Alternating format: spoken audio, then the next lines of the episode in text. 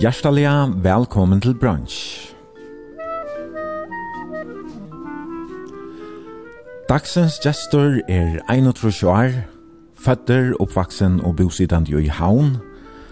Han er utlærter elektrikere og maskinister, og hever i løtene farløyve fra havstovene, her han er bestarvast senast og 24 årene. Velkommen til brunch, Morris Moore Johansen. Takk for det, Eivind. Og takk for at du kunne være her. Ja, og jeg sier, det er jeg som ja. Det kan jeg si akkurat som er. Jeg ringte til du nytt år. og ja, det er jo som sånn jeg var anna så very brunch eisen rakt av korona og tangesteren som skulle ha vært i morgen fikk brottelig korona men tog bedre så var det jo til distan for og sier ja på en av veien det er leie ja du er ganske altså, impulsiver uh, spontane resentur? Det er alltid er at skilfølsen kommer at du ikke sagt nei til. Nei. nei. Og så er det kanskje eisen til å ha årsøkken til at de hokser om det. Det er vært at um, det er en senter særlig david som her i dag. Ja. Det er faktisk en rettelig stor david da. Og, og det er ikke det er ikke kjørst at en er jeg synes det benchen ganske. Ikke for mer altså, men Nei, ja. Ja, det er en stor där där där det kommer et lä ut for först för som här som jeg har gjort selv, altså. Det er tekst og lä. Og tar man fast så var det altså, det er et og annet innenfor listene, så så så er det akkurat som at man man leser seg sin ur. Mm. Og vi får en sånn vanlig at spela läge satt ni sendingsna från framför där i utavshöpen det är alltså det det kommer ut och så här talgilda strömmet henne snär så som Spotify Apple Music og og sådana Ja. Og vi senta altså beinleis om Hörkon ur stovet tunne här av Grønlandsvennen i Havn. Her to og Konatun Emi Bigvan Og her er, ja, man skulle nesten tro at jeg dekket opp til Vesle, altså er fantastisk morgenbord i morgen. Og det er kanskje eisen jeg som i årsøk, at det er en stor daver, da man har arbeidt så langt frem mot en utgave, så, så er det verst å feire. Og her er kjerspekjøtt, og her er rotlepilsa og kjøttpilsa, og breivvirsen og oster og alt sin slæge, og vindruer og jeg vet ikke hva og enda stendig gammeldanska på den og neisene så det er det som har komme inn av Veslen nesten ja, jeg halte at det er en slukt, slukt over så, så helt jeg skulle tenke og bjøde en gammeldansk neisene så Ja, det er ikke, det er ikke kvann man leier morgen at, at du dekker så fint opp, Nei, det er det ikke. Jeg attla är faktisk at, eller vi attla och at, at, at her var noen här varsel her i kvöld, sammen vi tonlagaren og då. Men som sagt så er støvande sin underlig, og det leier kvöld så, så tonleikeren til, ja. til til kvölde. Det er arbeidskvölde, ikke tonleikeren, ja. Det er det, ja. Mm -hmm. Så er det kanskje eisne det vi korona, og så er det sånn litt at jeg savner folk enn, men uh, for en gående ordenskild så må jeg eisne lukka si at jeg, jeg feirer bare at nøyast vi har hittet det sånn i gamle dansen, det gamle danska, og det er så sjålen alltid eisne, djevel av en stemning. Vi har en ekar regler kring hvert noen at ta vi det klar på så senda så har vi ikke lov til å drikke alkohol så det var boja til 18 år ganske. Ja. Vi tar jo lort i sløkt. Ja, nemlig. Jo, men eh, annars så, som sagt, så er vi det her av Grønlandsvennen. Grønlandsvei, Nutsjo Fjord, det er en stor og flott husen. Um, hvordan land er det bo? Ja, og i hesten husen, uh, Her var vi bo søgjene i Åttefors. Emi og jeg bygde i husene. Vi, vi bo sammen først och i Batnaheim som er som stod bant her estan fyrir rent her var holder andre meter i middelvind. Veveren ble brekka over og, og kom så å si inn i det gamla huset og, og jeg snakket spontanitet, altså det er jeg gikk av skola, maskinskolan ta og, og det skulle alltid hente i en høyen hast. Men vi finner så att fralöka hem här her på Stanta och här har så bolag siden i Åttefors. Annars har vi är ja, kanske vara en sån mamma jeg Jag bor här allt mot lov så igen var eller ja. Så igen var fyra år. Så jag mamma är flott nian här till pappa. Ja. Ja. Jag börjar vi var du där persken går det inte långt härifrån. Akkurat. Så det det är nästan samma grannland. Ja. Det det. Ja. Ja. Og så husen er rettelig stor. Chatline er, er en oppbeveisende her på uh, sonen, vi familien. Ja. Mm -hmm. Kjallaren er, er en stor uibo, det er som man, ja, som man helst etter oss vi. Mm -hmm. Simon Kømeren, Fem Veson og Køkstova og så videre, ja. Og det er bolaget det her, fyra folk, ja. mamma og papi og, og tvei, tvei bøtt. Ja, så du har abba-bøtten i eisene. Jeg har tvei, tvei deilige badna-bøtten i jonte, ja, Olivia og Saul. Ja, det er ikke en og hver som... Håper ikke det flytter ut. Nei, det har jo flere, ja, men uh, som er ja. den ved Danmark. Ja, som, ja, när möttes det så du och Emi? Emi är möttes därför att vara Det er for å være fjørt i i i vetter. Okej. Ja. Mm. Hon er resten ur havn? Emi ur havn. Hon er av Gåen Berge Bråten av Gunneslanden. Mm ja, Jan Sjö Gunne var appen og Gunne Paul var pappen. Mamma Magnhilda, hon var så 8 år og ikke. Ja. Ok. Ja. Og hva møttes dit? Uh Vad har jo i bojnon? Ja. Det kan man nästan säga. Mimer eller kakanon? eller kakan. Det var det var stäje. Ja. Ja. Ja, ja, och er jeg så tre bötten i dag? Vi där jag tre bötten. Emi 81 har flyttat dit. Ta vi kom sammen som var en skolealder. Tora. Og ja, hon tog med banten i og och jag tillsammans så, så så er det nesten jeg ikke mer ja. Og bøtten til Tikkum kom det i stort at han var det flott inn her til han? Uh, Pottle føtter i 6 og fors, ja. Mm -hmm. Så det er en tror jeg skjøtten, ja. ja. ja. Og Mellan føtter i 9 fors. Ja. Ja. Pottle, ganske at han kjentast, ja. Og bøtten til Tikkum, han er kosver... Jeg er veldig kjent som uh, fotballspillere, og han er formaver i HP, jeg ja? Ja, ja. Så hvordan havna for at kjenne han, hvordan Ja, Potler er hur är framme som fotbollsläggare og nu som formauer, og ja, det kan man ikke lade være å være stolt av. Nei, nemlig, ja. Nei, og så er det Taura, hun heter Davisen. Ja, hun er gift ved en som heter Helge Davisen som sykler upp i norra. Mm -hmm. Och de är fem böt, fem praktfotböt til Jorun, som har myndprut förresten kaporna til, till den her... utgavna. Ja. Utgavna, ja. ja. Mm -hmm. Og så er Maurus, han sykler seg med pappa så innom oppi, oppi Norra, eller oppi Bernshavna. Og så er Petra, Petra er i fargen, hun er bo i fargen, så igjen hun er, så Leo vi, vi, vi tøtjer da flokket, og så tøtjer HF og Anna her, ja.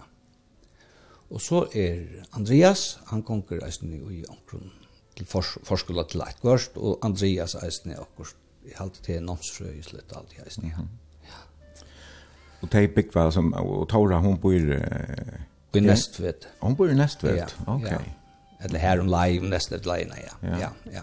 Og så er det den yngsta Mellan. Ja, så er det Mellan. Nu må jeg ikke være gratta. Hon har akkurat færre nyretter. Vi har akkurat fitta yngsta badnabattne Baldre. Ja. Og de sitter nere av Estebrygg i det. Trøntur, Melan og Lutlefytte Baltur. Ja Mm -hmm. Og teier fern at, uh, ja, vi kom sjånar ingen etla, få meira lesna, ja. Ja. Ja, er uh, Leo, han som lakne og han som sjukrasiste, trønter er ferdig at teka, det som heter anestesi, Eller, ja. Ja. Og mellan ganske, jeg vet ikke at hun atler, mm -hmm. vi er hjemme først andre. Ja. Og så er konan, hon, hun arbeider en, Jeg med arbeider ja. oppi under brunnene som landstrøyenker. Mm -hmm. Ta i bøttene gikk i Høytølån, Potlo og melan altså. Ta tjekk hånd og til landstrøy tjøkken en, en eller annan, jeg minns ikke at det er et danner eller klart scenario. Mm. Ja. Og det var iver, iver teltene. Og så får han nye til rønt, uh, så jeg Så det ble en stortlig kapping til han måtte enda han hver fikk uh, skåra hackst tal ta ju det var ju till runt okej. Ja. Ja så det har nog stått lite mhm. Ja. Ja och som jag nämnde i början så har jag två fall över från från hausstovne men tog fast vi måste anläsna till för att ta oss mer om om sättne ehm här inne i stovnen här uh, henka nekve målningar nekva mynter av vekkenen og um, vi har ikke ordentlig hukt etter hver det er som har mala alla, men hur så är det näck listen? Är det familj eller vinner eller gaver eller så we love eller Ja, till till allt faktiskt. Ja. Till det. Sen det blanda. Sen det blanda. Och där vi arva. Och så finche. Mhm. Och och och och och där vi köpt, ja. Ja, och så det mest ut det är Jackampan. Mhm Men så har vi eisne akkurat gav av vin, Paul Horsdal, og en annan vin av, av så foreldre noen William Heinesen. Jeg vet ikke, her er nek imisk, altså Øssur og, og Kvare, og ja, ja. her er imisk. Og jeg, jeg har helt glemt at nevnt utsynet. Det er fantastisk utsynet. Vi, vi uh, sitter her i stovene, og husene er litt opp i høyden her av Grønlandsvennen. Og man ser altså, i om Esterbøyen, faktisk det herfra. Stor vindøya, rølja just. Stova og køker inn i ein, liksom genker ut i eit, men her er en sånn dobbelthor, hva som man kallar det, en franska hor, en sånn kjoldihor, ja. som sender åpen, og så er alt liksom ut i eit. Og, ja, her, her er trivelig av byggvei, jeg kan atla at jeg har trivist vel her. Ja, her har vi trivist øyla vel, altså, husen her, men i hele tatt, altså, økje her er utrolig godt runt om er, alltså. Det är eller områden goda grannar. Mm. Bror bor bara inte nere i Hotnon. Pappi 80 alla ser i så hjörna. Mhm. Mm han köpte det där ena för mig och Rushnon. Och ja. Mm. Tajt och träna ut i tun så så så så var tun ju 18000 fermeter eller hållt annat go för ja. Ja. Och så är det ett annat hästen här inne i stoven igen. Det är klaver som stender ivrig i hotten nå. Et gammalt klaver, et søvlig klaver, alltid det man godt ja. kan si. Og her er en fem gittarer eisne, så musikaliteter, eller tonelager til, til noe som hvordan har du nå eisne? Ja, og hun er øyla, øyla store, Musikaliteten vet jeg ikke akkurat, jeg er ikke akkurat noen snittlinker, du i vi høver ikke å spille klaver, jeg klarer å berge med lødsynder på gittaren, og helst er jeg ensam alt. Um, klaveret, ja, det, hever, det er søva, og det, det relaterer faktisk til tøyen, eller til Ragnhild. Å oh, ja. Og, og, og det var, Restorf, ja, Restorf-familien, Andreas Restorf, åtte klaveret kom ut i, jeg vet ikke akkurat, det er fra 13 og så er det jo til uh, stempelen jo i. Mm vi har så rönt av spårst eh, hans voj och Otver för omkran och jo jo. Og Andreas åtta så og i troj och troj halt i det var så köper Andreas her flykel och tryck vi her här köpte så från Andreas Og så stod det i, i husen om ta flott ta vart hej flott jag ut av heksvinnet, eller ut vilka tycker någonstans her ute är som foreldren som er bygd. ja. Nemlig, ja. Og det stod så inni her, og så stod det til søle, og jeg har alltid atlet meg å kjøpte klaver til bøttene våre små, men jeg vet ikke, mm -hmm. kanskje ikke for å ha et eller annet, jeg vet ikke. Men um, da jeg så hørte om søvnene, jeg ringte så til, jeg halte til Anders Sofia, og da jeg hadde 80 klaver, og så så jeg. Så jeg kunne ikke lete det færre, da jeg Bara möbeln nu själva är fitt och vi har haft några glädje av att och vem folk har kommit in och så så är det. Ja ja. Då har spel på ja. Så att det inte kanske stämmer 100% så kan man så kan man spela på det. Ja, det stämmer inte ordentligt än. Benjamin är ju hooked på det. Och Gostal. Mhm. och ja, jag håller vid skilta kvar öronen ett och öronen jag tror så. Han ska där Ja, kvossvär så är musikaliteter halt jag eisne nega som ganger jøkkenen i familien ikke der, og beit hadde du selv utgjøver en sang ut i det, men uh, vi får spela nega sanger og den første som ligger klar her med spalter, han vil sunnkjene av mammaduna. Ja. Svanhild Mår Johansen. Ja. Mamma, ja forresten, hun er blevet 100 år nå 16. februar, Løyla Valia. Og det var såleis at uh, mamma fødte Vestmanna, og Ta i hon var 11-12 år, ta flott og det så rett fører. Appen min Karl Hermansen var, var vrekare, eller vrekare kontrollør som det er så fint å ha. Og han ble så flott vi familie så rett førere, og han som var vrekare i tvørere ble flott til Vestmanna, det var så Beck, jeg minnes ikke fornavnet, men Beck kom så til Vestmanna, og, og de får til tvørere. De får så vidt han ödlun sysken och utan ein som var herrlof alltid. Han blev verande i Västman. Han kom till Altors och till giftningar och så vidare. Och han, och han blev så vräkare av tvörare. Så mamma vaks upp av tvörare till så resten av baden og Arnon och näka upp i vaksna manna Luive. Då er så mamma henne og døyr og i fyra fjör da kommer hon som Nordel Havnar. Och Oskar Morbror, Oskar Hermansson, han var kom så han vid Anno, Anno kom och och altså Anna Gerard som så haskolan. Tej bolaget så haskolan og här kom som mamma och her var mors mor Molle och Sante lärare. Och där han så samman tarametlen och Og hette, han skriver så leser han Lene Kjølvandi og gjør det øyelig enn tatter og, og så, så irriterer han heil søva for seg. Men hette så ta sørste som Maurus gjør, og han andas i 6,5 38 år gammal. Mm. Og mamma synker han så en. Mer fortalt at, at, at han er sånn som beinleis ut, men det vet jeg så ikke. Og jeg halte etter noe andre trus. Og, og tar mangla og også tilfær, og hon arbeidde oppe i Aboiran, og så var det her som skansastånd til Arnes Mynte. Mm -hmm. Og papp på Arne, altså, han, han arbeidde tja, tja Plansen, og Oskar Morbrauer arbeidde oppe i, i Boghandel. Okej, okay, och och utvarspe var nere Bridgeback. Och utvarspe var nere Bridgeback. Ja. Så hetta var alltid en trojkant här. Mhm. Mm och ankt ut att mangla i ett eller annat så rundar anten baukantlen eller på Hansen eller och så hes för nian boira till mamma mer sagt och hon får oman och hon sank en beinlös ut och utvarspe om det sanna det. Okej. Ja. Men jag hade höra han. Hade är kanske inte eller hade han något som det next ball to men hon inte väl spalt så nägg så senast i Mhm. Jeg minnes meg av Horsland eisene, det er eisene ærer utgaver av, av Lytlasene her. Ja, ja, Annars får Foya som nevnte Johanne, hon, ja. hon alltid er Ver och tjej alltså så jag inte ja och hon och Rasmus hon och Rasmus Berg. Ja. Öliga fett utgåva ist. Ja. Och det var om man lik med Rasmus som spelade klaver. Spelade ju inte. Ja. Men heter det så en utgåva vi uh, mamma dina och det är bara hon som synger. Ja. Ja. Det är inte filterspel. Nej. Ja, jeg kan lykke med nå. Vi sender beinleis, og uh, du som lort der er uh, velkommen at uh, sende dere en bo av sms-kipene 32400. Et la en bedre for en av Facebook-søgene som heter Brunch. Brunch det var B-R-U-N-S-J. Og send dere en bo her, takk med en vimersing og krasporning, et la en helsan. Nå skulle det altså høre Svanhild Mår Johansen og Sanchin om luftlasen her.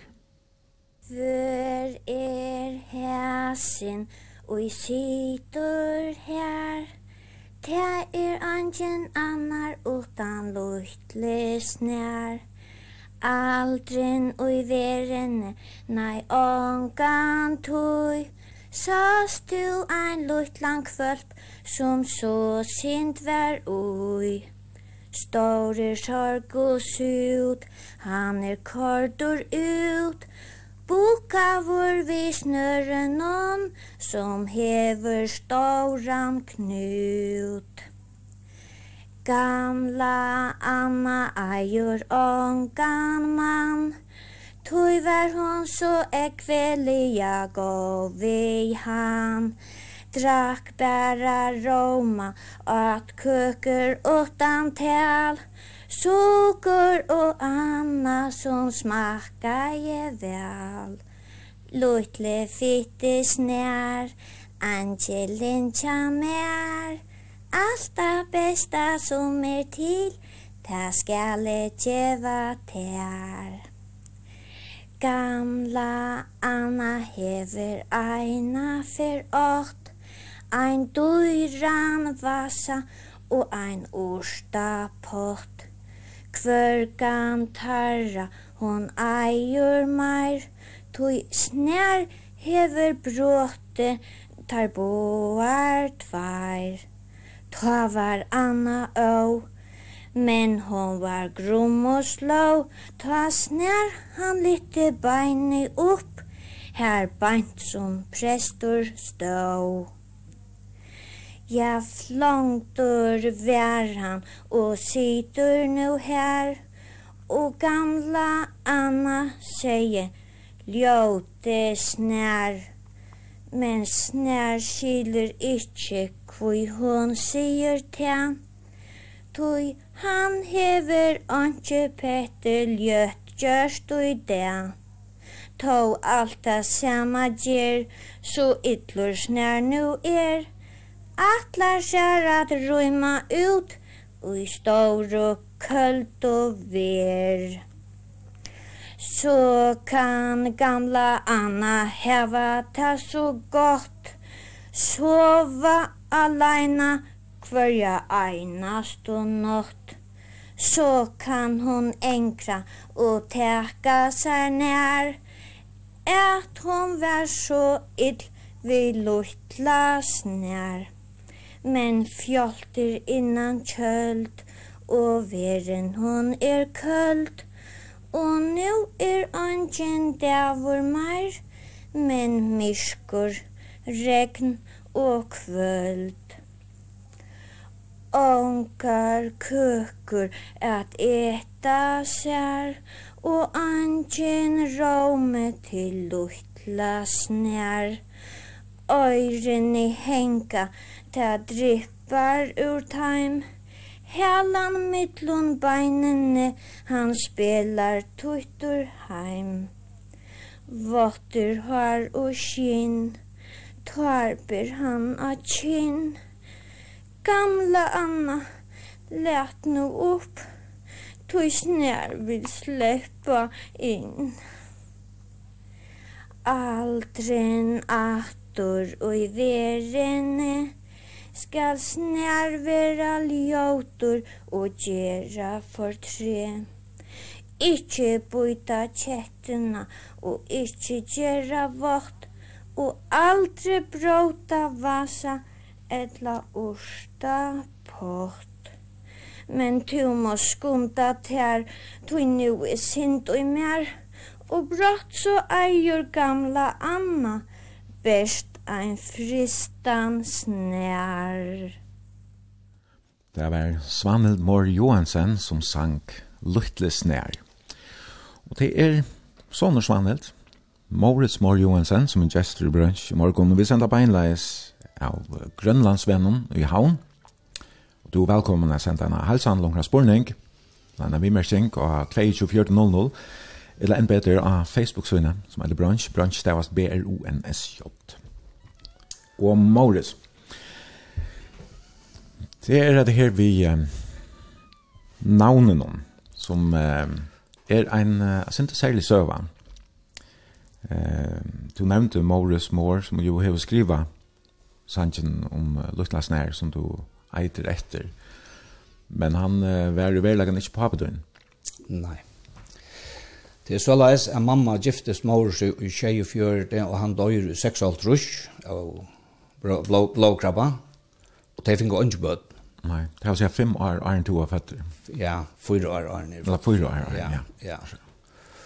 Og, og mamma yngst seg verlig baden, hun er vært oppe av veien noe for å kaste borster. Det var akkurat vi ta i togene som ikke, som, som unga tøtninger var det, og vi er blåtypene passet av skjermen et lagt så over. Man kan si han enn at er jeg ikke baden. Men, Hon fær som med i Nujandro Trush, og verlig papen min er så Jack Kampmann. Og, og det er helst det at de hittast ødløyes nere sjånlagare miljøen som er i havnene. Og, og her er de ødla, så Maurus, Oskar, papen på. Og Jack pleide å gjøre, gjøre, gjøre paddelmynter og anna. Og så alt det i Freiser, Kristina Øster og ikke jeg snakk om. Altså, her er nekk vi kunne nevnt. Og det er, jeg kan ikke bare ut fra at jeg hittet i Anker Værskap i et laksår. Løgge meg ikke. Og jeg kom så verna, og, og mamma stendt så ensam ødel mer. Det er helt så ikke nekka, helt ikke å halte nekka løy samme ta, nei. Mm. Men, uh, og i forrige trus, renner så, eller, ja, til seg grunnen saman, og er en typ og en fitte badje som bor her nyan fyrir Potlottene. Han er føtter i september i, i Fyrrøs, og mamma er flytta som nian i Grønland. Det er giftas 4. april, papi og, og mamma. Og da du sier papi, så er det... Polærne. Polærne ja, Johansen. Ja, jeg fikk altså heimsins fittast av papi. Og, og vi flytta som nian her i Fyrrøs, og, og, og Ja, nu miste jag nästan try, men lukar mig inte. ja, men och ja, och Atlas ner är han inte främmande då att att att att han han och pa, han och Oscar Marlboro. Ja. Tar tar har tjänst från ungkomarna. Tar bara präntare og og hadde eit eit lengt lov saman. Og nu jan så fjør det starta her til dem så vi at at det jeva ut jolla blei falv som ja så det ikkje til mun der. Vi lov av fra ørne familien og og og, og tar er bara 20 år da. Ok, ja. ja. Og til Jola blei, blei verenskjent, heimskjent i, i førgen. Ja. Og kanskje særlig av, av søvn og tja, tja, tja, mors ja. om Leas anlen. Ja. Ja. Og, og, og, og, og i fall ta sørste her da, tja mors, altså i seks alder er så her sånn her sankeren, er sånn lyttelse her og ja. Ja. Det var også at la en, en sanker i hverjum bleie, Ja, ja, til da jeg ble vi en sannsju i Njøy, et eller annet totte. Mm -hmm. Ta fyrst under John fjør, de halte jeg minnes det var Kristina Frihanda nå, som hans manns Andreas Djurs er gjørst alltid, og jeg minnes det ikke. Men papi og Oskar har hava gjørst det fleste av dem, og etter Silta Valsen, Starsvella Gildi og Sara og så så gjør jeg, altså. Ja, du visste mer en boklinket jo er Jeg var utrolig nek jeg vil gå og sannsjer, altså alt det her man pleier å sannsje verskapet. Ja. Så her, ja, yeah. Sildavalsen og ja, ja, ja, var det. Ja. Så nek er på god sang. Ja. Ja, så um, ja, at det virker som om man hadde skal sinte fløtjas litt. Ja, det var tjenst ødle Marla Minne, altså veldig i samme omkvarve, men det er altså Jack Kampmann som ja. som er pappa og til resten ja. frakranging for at henka Ja, det er det, det aller fleste av, av, av, fra honom, litografier og, og, og målningar, ja. Mm. Ja, så i, i allt det där här vi vi kostar vär och så så allt skulle checkvas då det kom till sån ting och ta i då inne. Jag vet inte vad alltså det är så idiot att snacka alltså. Ja. Och så tar jag är om om 14 år eller ja 13 12 13 år så så så börjar frimlen att gå upp tjammar eller stadfrön och just ner i skilt i ordliga. Mm kvi at det ikke hatt av vær og hitt vær og så leis og så så er. Så tar jeg var fyrstan år så leie korsen jeg bare og, og ta kom så hetta fram. Ta fikk du liksom alla søvna? Ta fikk jeg alla søvna, ja, ta, ta, men jeg ber om det selv. Mm -hmm. Og Og i tog er jeg så heppen at jeg fikk en syster, um, han, Anna og Vestmanna, som antas til 2020. Ja. Og Ja.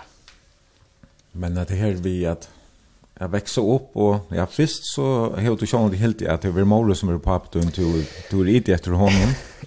Och så har du helt att det var på Larne till han var här kvant ja. Ja. Och då är det ju att att han bara då är det Eisen Johansson ett lätt namn men ja. men väl ganska vart det så. Vi hade nog mer hej är faktiskt trutja på att bara en Ja. Du fick ju ordentligt men det är så näck som har tagit det alltså. Ja ja. Men men det är så det som man så ja, är uppe om där. Det var det. Jag visste där ja eller fick ett kör lägga gå. Men lugga mig jag fick hamstens av pappa och vi har hon fyllt fyllt så en amma och appa som inte hejer och som är kommer färdas alltså näck till Västersjörvaje. Ja. Det var Johannes Janesa Kristin och Ackarstina eller som som det var kallat här och Og det te er oppfattel folk, altså, og fitt folk, altså, vi fikk noen fitta fastrar, og ja. her er så ein etter, det leie oppi her, altså, så, jeg, vet ikke om lortar, så er det heilige faster. Og, og her vi fikk en eksistna bøtna, öll teg snikkar stå i havn, er kvara, elen, öll teg her, og Paul og Sissna, her, og ja, jeg kan blå igjen evna, så ikke minst teg inn i Ronavik, ja, Karl faster, og, ja. og på Kjallee faster, og, og de er Arjun, Kristoffer, ikke minst. Ja. Så ja, ja. Jeg fikk, jeg fikk en stor familie. Altså. Ja. ja. Men du, uh, greit meg fra, som det var tåsa og jar, du har nok så harmer om at, at du miste seg her første årene vi, uh, vi hinner familien i tjadder, at ja. du papen av Jack Kappmann, han døg jo i Nudjeforsa. Nudjeforsa, ja. Så du er kunne finne ikke, Ja. Det var ju är samma med honom. Ja, Og- och, og, och, och, och, och, særlig at det som jeg var mest harmer om, det var det at jeg ikke fikk de de badnårene sammen med systen min. Ja. Og hon visste jo det, hon, hon er greit derfra, og hon hadde jeg glede det ungt i. Ja, hon gikk lærerskola her i Havn, og ta har vi egen jo i, i folkeskolan.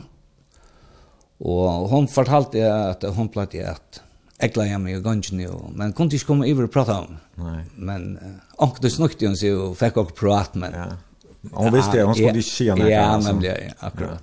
Ja, det har säkert gjort en avtal så innan mittlen. Jag vet inte akkurat. Nej, hade det var löjm så hade jag känner fler underdömer om att det här att man helt bara att man kunde tia så borster och att alltså vet inte det ska vara så tabu alltså. Nej, det vet man att det är ju näck bäst för bötna det får att vita på vägen till så så talen kommer. Det är kan du. Alltså lägga skälke för det. Ja. Akkurat. Jo, ju större ja, ja. det jag, Jag minns öliga väl första för jag kom in till hamn och ta boen i havn. Det i regn. Och ta var lilla fitta Sissal kom ner verna. Och la och igen är Sissal Kampmann. Sissal Kampmann. ja. Och här la hon så fitt i en en arvöcka eller så. Jag vet inte hur starkt lift baby lift ja. eller vad det heter. Ja. Ja. Och så kom så igen och så valt och skättne och så och så Elia Batni här reisne ja. och og så bøttene ikke igjen, så jeg snitt, ja, det er ikke snakk om. Yeah. Men um, papetøyen, som du jo, som har vært hun pappa i, i løyven om Paul Arne Johansen, ja. han og Oskar var jo beste vimmen, og der gjør det øyne jeg stortlig ting. Og du, jeg vil sikkert oppleve sin drag for jo, og jeg vi vi i omkring høyre spølen og så som på patene. Ja, jeg ble det kallet her for det første pipa er salt ja. ja. Ta raste rundt altså. Ja. Og og og ta varsler var sjóma skula varsler og kvætt altså sjúkrahusen og alla sjúkrasistar eg veit. Og ja, alt alt møvult altså. Mm. Og pappa gekk nek ut og lesa opp eisne. Helt til han ble etle gammal, han, han røkta i dømes til at, at færre iver av blindastånd og lese opp for falskjøn. Mm -hmm. Ja, og det var så beina som det kom i avventa igjen, han var ganske ikke vel til fødsel da. Og, og, og så så får han ivra blinda stånden og, och läsa upp här och ja. ja.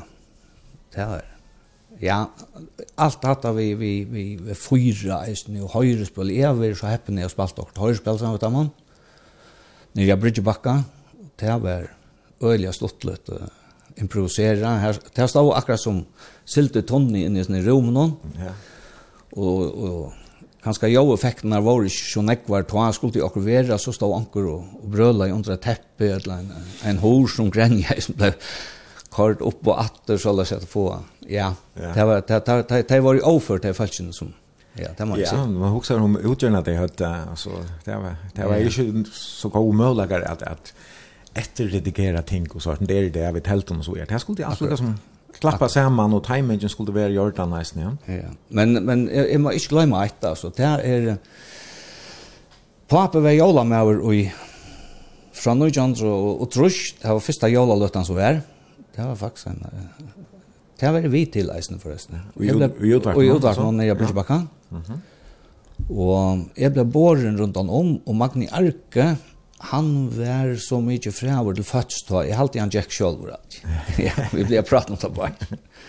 Men lukka mykje, papi var så jala med å lukka fram til 1900 og 1940 var seneste året, så bøtten er ikke okken ødel. Ja. Mellan eisene ble båren seneste fyr, papi var jala med rundt om Ja. Jolla säger Bridgebacka. Ja. Så tid av vara till till Nekva så när Jolla halt någon och gjort någon. Ja ja, jag platt så av vara lugga väl alltså ni 18 år vid munnen bort någon och. Mhm. Mm ja, det det det har hon aldrig lutt. Ja. ja. Tær inspalt var æsne onkra Sanchez, altså det var nek høyre spøl, men så var det æsne så her Sanchez der vi en rikvi av jo effekt on. Hevur du minst du flere enn en, tann vi færre spela nu? Nei, jeg, jeg, jeg, jeg, jeg må si akkurat jeg kjenner bare hesa, og det er størstskvalagildet, mm -hmm. og vi kunne takke brått på som vi har så lenker, og han er opptidgen av landaven i køkken til Simma og Conny. Ok. Ja. Og vi effekten som vi snakker om, her er alltid vært noen balja ved vatten jo en slanke, og, og ta i talfalt i koppar, ta her da, jeg ser bondene, kassetter, eller de kassettene som var til det, spolabondene ta, og Ja. Blev stapla upp och så blev det hålla undan så där koppa i och ja okay. och im så. Så tar man høyre kvällen för oppa blasa, så är det en en slanka som är nere i en balje vid vattnet eller så. Det halt ju ja. Det halt ju var också ja. Fantastiskt. Ja. Ja, ja men halt vi høyre han. Eh nu minns du ikke akkurat hva det var som hej just läge men det är ikke läge er ikke för Nej, jag hade torp torp jag ner allt. Ja. Ja. Ja. Och så till norskt läge. Norskt läge. Ja, Jag var sen där gjorde det störst kvälla gildet. Det var att det kom allt det där Jorni Valbaka Skåne och öll next år utlist i någon. Och så helt det här att här skulle föra att att göra en förska Atlan och det blev så att det här och jag har så arbetat vi att det skulle komma ut att det där det blev 100 och i 2020. Men det hände ju också av en och blev sjukur och så så vidare så så han verkar att han datak som ni fyra har fått ut som en barnabok alltså. Ja. Ja. Men kanske vi få en affär. Ja. Det är hoppas sant. Men uh, nu ska du höra den här klassikern. Storkvalla Gildi och det är alltså Oskar Hermansson och på Paul Arne Johansson som har gjort texten och det är sånt här bara som syns. Det syns just.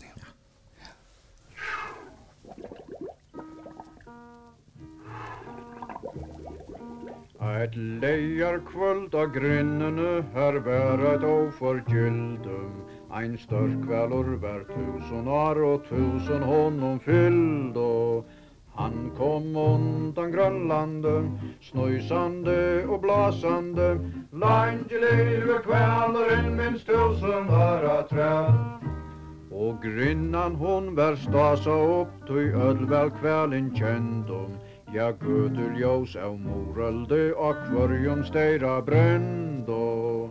Så hona luta grinnene, her vitsast batna minnene. Søye gamle kvaler innor vende se bat Og laffe kukan hon var prudd vi tusen tæra tonglom. Om halsen høtt og grinda kvaler band vi søknar ånglom. Bronden går och hemmar Krossfisk går och röntgelse Hött och snolla stora skväll och skrävar där är Ein tinda skutta slåa kryss och rastist upp i båret Hansen annars är jag stark så ber jag om året Mot signa sköta späcka tur, Mo må åpa blasa nu. Sött och alle kvällen er och tog och käk var bär. Ein brugta og ein røsningur, tei leikav og ui talvum. Vi stersten hon ui i slå, ein ivervaksen kalve. Bore sundur brottnaje, Talfolki all flottnøy Horn og væsar hendene og kalven flontor vær Ta attur kom og kvælener og sov og ljóta lægjum Ta smakt opp om bakslene og lørt og så i vægjum Gå og öllum diggan brest, brúktan hon fekk allra mest, For og så er borun ond og hild og glæm og fest. Og tenn og morsta sangáru og i stjórna vær á kópum, Ta sette dam av varsluna vi milljóna råpum. Tar sjung og svar og fyra fer Ta hordes mittlom skörr og kjer Sol og sanga størsa jord og spalde og klaver Ein sjókik stå her skamt ifra og tók det herra meller. Men sjólu vann i køkjennom og gjørte frikadeller. Korden negvar skjeljar oi, olkur tvær til kryddar oi, rørte tusen komper gutter flyttna soppvånda. Ein buksevator reffeskor vi kvals på jonter armen, Ta flent og hatle kvalener, ta rumblaje og i tarmen. Her var många sjån at sjå, krabba goggan gekk og tå, og høtter endi sylde sitt og leip om bok. Her er det dansens jaur, vi der og nå i gilde. Så sier nøysan sottlia, hun tala je vi snilde.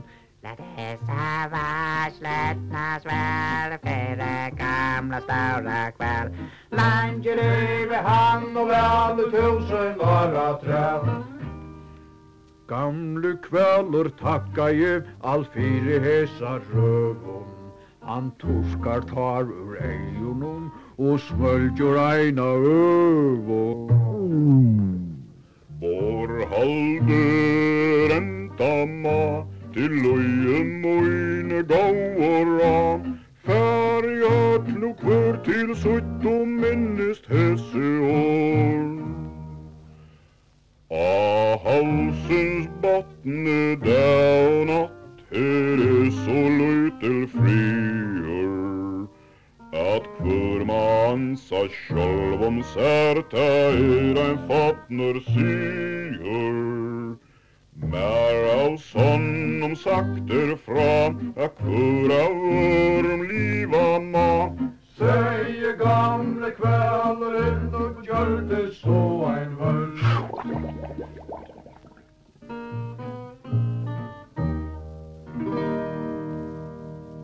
Vi tar då Paul Arna Johansen og Oskar Hermansson sin jazz størst kveld er Og det er Maurice Moore Johansen som er gestor brunch i morgen, og vi sender beinleis av Grønlandsvennen i havn. Og du er velkommen til å sette en spørning, og vi sender en vimmerking, eller en helsan av 2400, eller av Facebook-sønnen til brunch, som stavas B-R-O-N-S-J. Nu har vi et uh, tross nok snakk om familjerna, yeah. så fyrst løtene, men uh, det er nok så godt å få, få et plass Du fortalte jeg snøyane at du, det første jo æren i løvnene, da bodde du ja, perskene gøte her ute. Det var så sammen med mamma din, ja? Ja, altså, da mamma fær med, ta heion som så en kjabikko i. Så vi færre av sjukhusen ut av landaveien til en mambadja. Oskar? Nei, som heter Arno. Ok, Oskar bor i Eisner. Han bor i Lutz langt vestre, ja, Loppe, ja. ja. Mm -hmm. Og, eller ute, ja. Og, og, hetta var så Arno og Ella Goma. Og, Arno Abba kalla i han til 80-åringen Abba. Mm -hmm. Så han ble bare Abba min. Og det var han all løyven. Han var et utrolig fytt og godt folk, altså. Eller det var det jo. Vi flyttet så inn her. Jeg kom bare inn av dår, og da man kom inn av dåren her. Og her var vi med mot ikke. Han var timpermaur, jeg så smøye husen til seg selv, og, og husen til Oskar i Eisne. Og jeg minns om de ble smøye sett i alltid til Oskar. Lega meg ikke. Her er så er grunnstykke inne av, da mine husen her til Arnapa. Og mamma får så i sjånebanken, å vite om hun kunne få pening til å bytja seg en hus. Og mamma fortalte at Rasmus spurte nu som han gav han kvært kvært hevde så at jeg verger et alane vi så skulle de ha tid med opp og sett meg på borg heter det er ja. og da skulle Rasmus smelta sett det ok. Nå lukka mig ikke, mamma fikk så si husen opp, det var ikke noe villa, det var en, en små hus, vi en pikkelutlar stov og køtje igjennom, og et kammer, og en dorer, og en vese. Jeg vet ikke, du ikke vet om hva fermetra til det i vere, men en, en, en fjörde fermeter ganska lågt det var inte en liten smotta en liten smotta fitt smotta ja. Mm -hmm. och här bolagas vi så till vi kommer ner ner och så sålde ju inte Og det visste seg at en kona som hadde Emmy kjøpte det och sattne giftstånd en siste baden mot med Björk okej okay. Og i det eier så Emil og Signe og det husene. Og, men det det huset er, ja det til en som så men det bygde jo på i Så det gamle husen som mamma bygde til Lockenberg, det är av utav husen. Okej.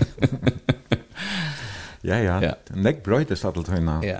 Och det flottas så her i bra av Grönlandsvägen. Flott vi nian, och jeg sa perlen här som jag säger Johan her var Tony og Agent som fermetre. Ja, här är nek bröjt eisne. Här er øyelig bröjt. Det var inte det var jo ikke, hos kvarve var ikke til, og lojen var ikke til, og husen til Andreas och och vi på jet ju tam ner uppe till vår så land igång det heter hos nu chans för någon kom de flesta. Och så nian för här i Grönland ja. Men här uppe i hövden var var öligast längt med gärna ja. Ja.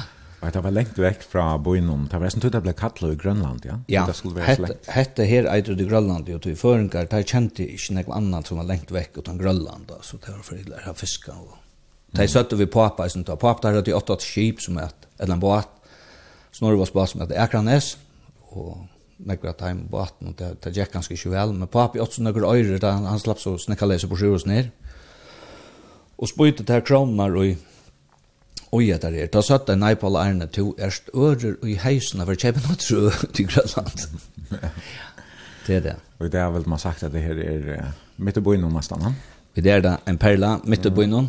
Vi det har finns ju såna andra runt om mer. Vi det har finns skolan, musikskolan och glasser och skolan av flöton och Mm -hmm.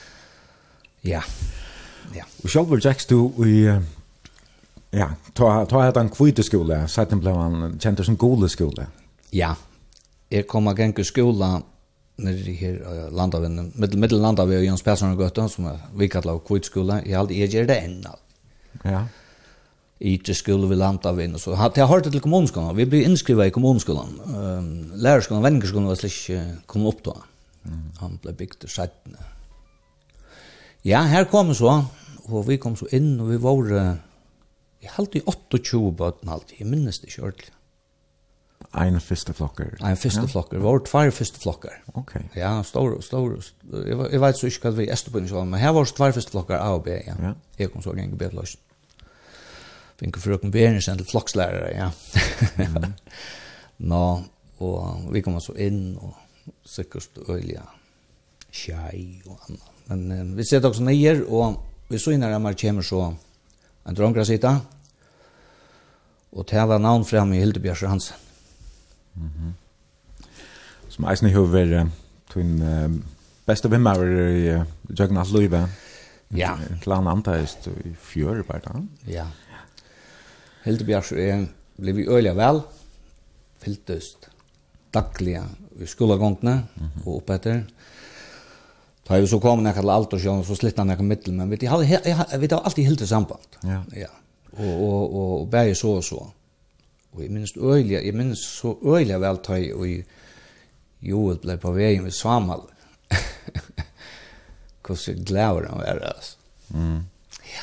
Du fortalte meg resten, altså Hilde Bjergsberg, han er for deg som ikke kjenner han, så var han en urmeldinger av gitarren hans. Han var yeah. med en annan gitarrist i Snybelt som någon Chatnar som ja. nog var färja bästa orkester på ett huspunkt. Ja. Yeah. Och första skola där, ta till mötas, då kommer man sitta söm så så så den första spårningen som han spelade kan det. Det var det du du spelar gitarr. Jag visste inte vad en, en gitarr skulle vänta allt. Men lugga mycket, um, de, ja, han spurte mig det och de hørte til uh, Fresnar Herren, kom nekvar. Mm og jeg kom og genga ved timen her reisende, og her var, her var så gitarundervisning, og sjalvandet her var et eiablikk, så var han frammanfyrir tar på dorarna A och det dor så det det var nog så kött det det var men jag minns öliga väl ta första han så runt jag runt jag lärde att det var en natt jag drömte det det minns jag öliga väl. Mhm. Ja. Och han åt ju minst en stora budget som att hans Karl som vid öll hava sig upp till bär som smadrande ta og og allan vegin fram til ja. Ja. Där av var och här var en en öllagna ja. Han var ja. Ja. Där var det trutje bröder innan vi allt där Det det var öllat och det. Ja. Ja. Det er, det er ikke lenge siden, ja. Det var da... ja det i fjør? Ja, i fjör. Jag vet inte. Det det kommer till. Ja, det det kommer till det det datan där folk färd. Jag minns det var föringar där annars men det tar det är det där det det det lägger ju ju minns. nej men det står så igen alltså. så det ja. Hans Karl var eisen i urmanningar gitarren och han var med landa gitarrspelare i Belgium straight ahead. Spel gitarr av så här famösa kända vägra platna ja. Så det var en otrolig musikalsk familj tror jag Hans Karl han var eisen pappa Bjarska Hansen som har vært tilnevnt, eller han har vunnet Heiren Orsen Sankare FMA og Gori Hansdøtter som jag kjenner, og Fraua Hansen som eisen synker det hon like good. Och här är Lägg på under i, i familien i Eisen som gör att hon lägger. Men at Zachariasen familien... familjen. Ja, jag snakker ikke. Ole Paulsen och alt det där. Judy og... Ja, ja, ja, tei, de tei er i øyelig, øyelig muskalsk, altså. Og, og, og her var givet jo hun av tonløsjon, Løvien, ja, utrolig. Du gikk så här till og vi kjente flocka. Det var nog bara eh barnaskolan som var här. I ja. Fyta. Ja. Jeg gikk så fram till kända flock. Jag var ikke jag var en av som röntgen som, som kanske inte var så, så, så tuntus väl gäng skola. Och ta värt av sålla sig nekve dronjer særlig får ju ut ur, ur, ur, ur. Mm -hmm. Vi kända og får, får til arbeid, eller sälja till chips. Och jag har ju omgående varit särliga herra brajer, men, men Jeg får så ur skolan ta eisne, og jeg minns det sagt vi en kjipen, men kjipen vil ikke la meg vite, jeg var så løyte. Det var tog bete var det at jeg får ikke for vi. Alt det var en løyne kjipen ur av flemskapet, eller så, som mest trång. Men jeg var så heppen at jeg kom til kyrkjeboer, og det var, det var som et annet heim for meg eisene. Det var veldig utrolig fitt mot. Hva gjør du her? Ja, her tjekker jeg til det handa som jeg kom til, og, og som jeg orskar, og og fjøsnån og anna. Og Solva var, jeg ble katt anna for min, min egen mamma, og det gjør igjen. Og, og hun var så mye etterkommende at, at hun helt skulle være havskolen. Ikke tog jeg at jeg nevnt slapp i ondene for i havskolen, at vi er jo at eller at de undanfærer til åkken, er jo alle havskolefolk, så... Det var det. Jeg får så haskola, var ganske us og unger, men jeg halte til jeg gjør det nok så godt vel med meg allikevel. Ja. Her er så hvor for vi er jo for til chips, og så får jeg lære som elektriker til Leif Moore. Mm. Og ja, så... Er det her vi, Um, vi er ferdig at Jo, det sigla, to hei nok eisen i engt og så vart det. Ja, ja. Hvor skal man varst du da du byrja på det? Jeg vet ikke. Vi tar vært smadrange 20 år da vi begynte ganske lagt over. Ja, Gengt ut av bakalau. Ja, ja. Det var øyne nek smadrange og engt i her 20-12 år gamle og så. Og, og, og flere og i munnen flotja. Det var skjera rasjer ekna. Mm. Ja. Og, og så får vi til chips, ja. Jeg, jeg, jeg får vi en chips med kalsevne. Og det var... Det var det midtaste kalsevne, kan man säga. Og han var en autoskip. En av i åren som var trålare, en sydtrålare.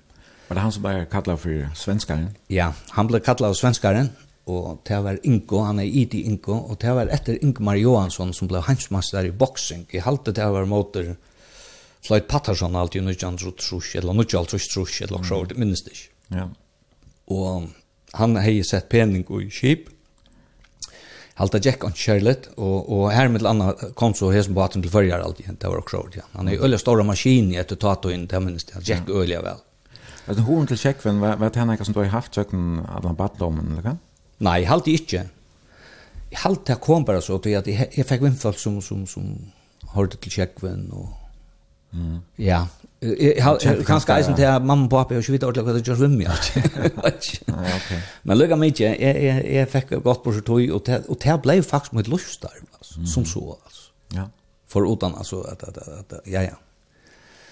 Jeg får til Forsovi her, og Brynjald Petersen, akkurat gode vinner, han var kjipare. Og, og her var det så, og kvært minnes det ikke. Alt jeg ble selter og jo seks tjejer for seg. Så jeg får lære til han, til jeg minnes det, ja. Og jeg lever om for seg for seg lettere lærerne, ja. Mm -hmm. ja. Og så atter ut av sikla og... Så får jeg atter ut av sikla, ja. og så kom jeg heim og får en maskinist, mm -hmm. og så får jeg atter til Grønland, så jeg er ved Grønland i åren. Ja var en 12, ja, kanskje 15 år alltid, ja, vi først skulle og men grønlandske kipen var i 12 år, ja. ja. Til å komme hjem i 21 av hems. Og så kom jeg havstående som har vært med et sera, sera karst arbeidsplass. Mm -hmm. Ikke minst følt altså, men, og eisne, jeg har lært også noe hver eneste del. Du selt nek vi uh, Magnus Heinason, ja. og så satt ni Jakob Sverre, og så gikk vi videre, eisne, at, at, at, at, at, at, at, at, at, at, at, at, at, Ja, så er. ja. Jeg var ved Max Heinosson og Larne. Byrja i første turen halvt i, i oktober-november 25. Mm. Ta mannen ikke noter, det er skiften i at han ikke falt noen der som får i land, det det det er veldig fantastisk folk vi er. Mm. Ta man sikler vi en sånn skipet som, som Magnus Heinosson eller Jakob Sverre arbeider man så eisen en parsta tøyne av landet? Ja, det var mye starv. Jeg, fikk, uh, jeg, jeg, jeg skulle faktisk færa nyer av skolen. Altså, jeg, jeg gav til Grønland at jeg fikk akkurat i i tarmene som var under kjelet. Klarer ikke å være for tungt arbeid. Søkte så og slapp nyer og jeg skulle færa av universiteten nere. Og jeg finner plass og jeg tås av lestra veleier og så så gjerne.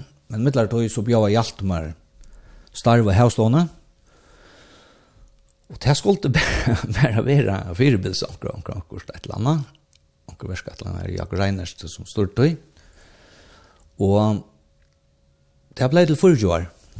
ja. Og nå er det en farløyve 1. januar, ja. Ja. ja. ja. Så, ja, det her elektrikere utbyggvingen sa der, Hon blev ikke brukt til uh, sånn ekv. Nei, altså. nei, det har vært tog jeg vet ikke. Jeg har alltid til å komme eisen i å tog at, at, at Nei, jeg vet ikke. Jeg kvalte så jeg så natt av båren, så satt foreldrene at uh, nå har jeg funnet en læreplass. Mm -hmm. Og det var et lettere å gjøre for mor, og det, det var så. Det var nå et utrolig godt arbeidsplass. Det var nere i gamle vørslen nere nere i lærer. Ja. Ja.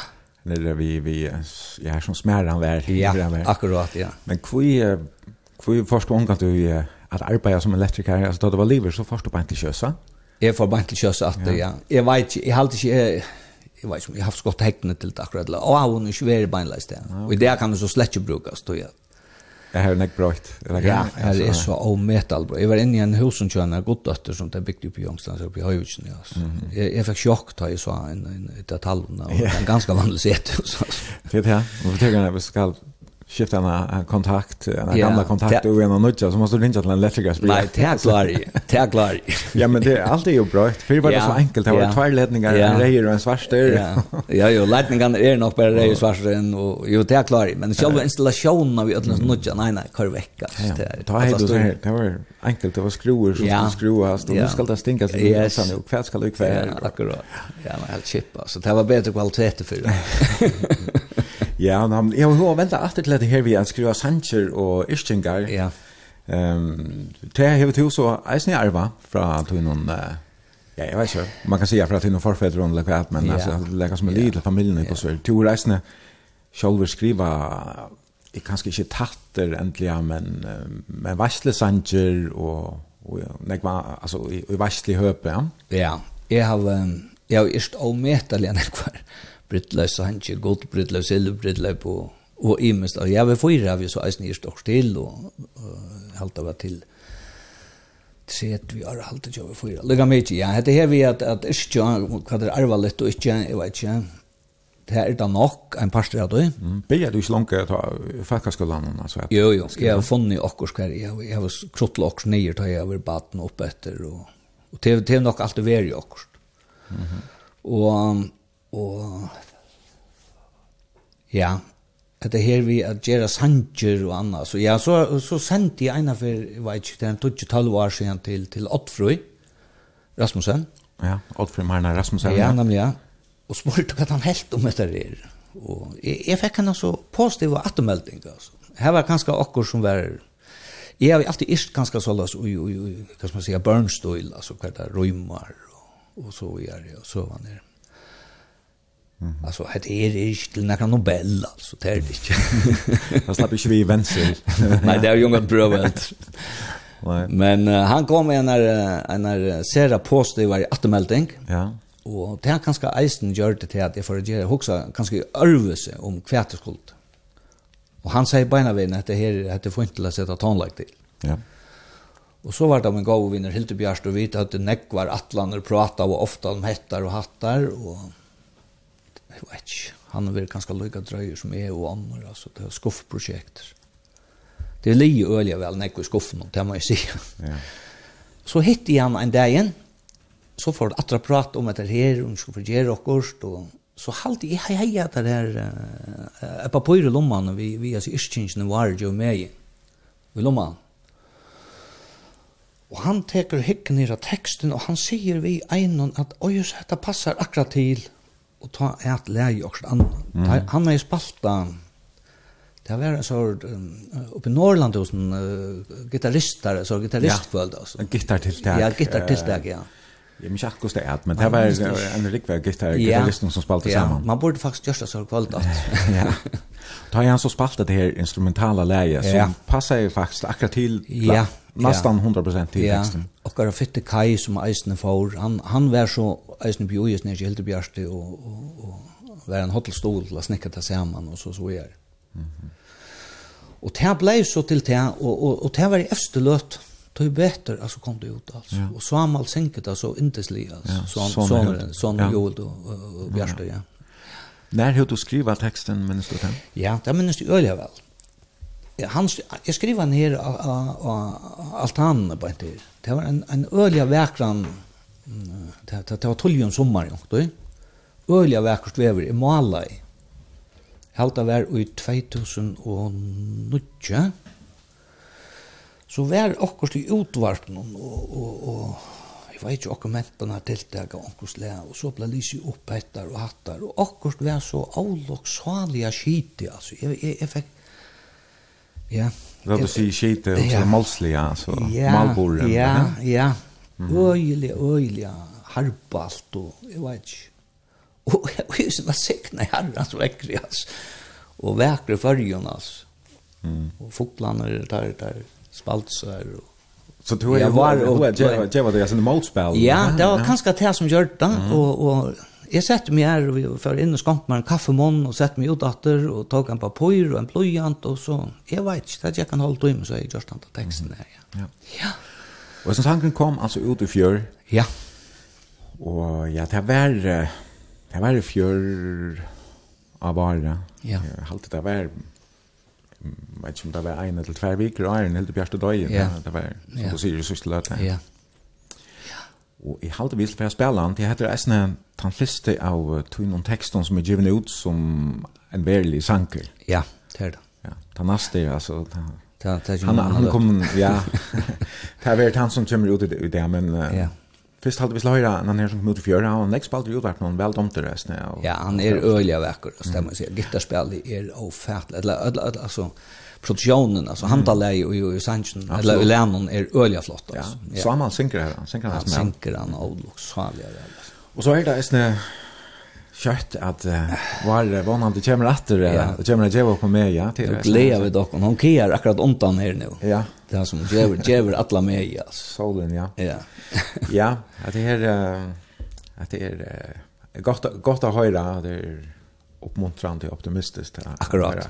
akkurat det glädjer då ja. Man det är alltså Hildebjörn Hansen och Samuel Hildebjörnsson Hansen som framför Bare Jever Mege.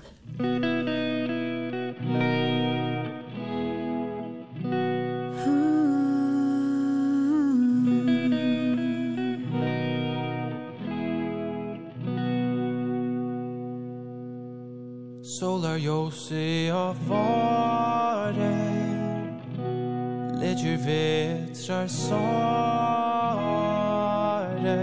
Allt du vaknar av nord Gröna flötan så fröj Om åtjar var blommar Sent i väkrar tonar Söljan gola spräkter Leive ut se bräkter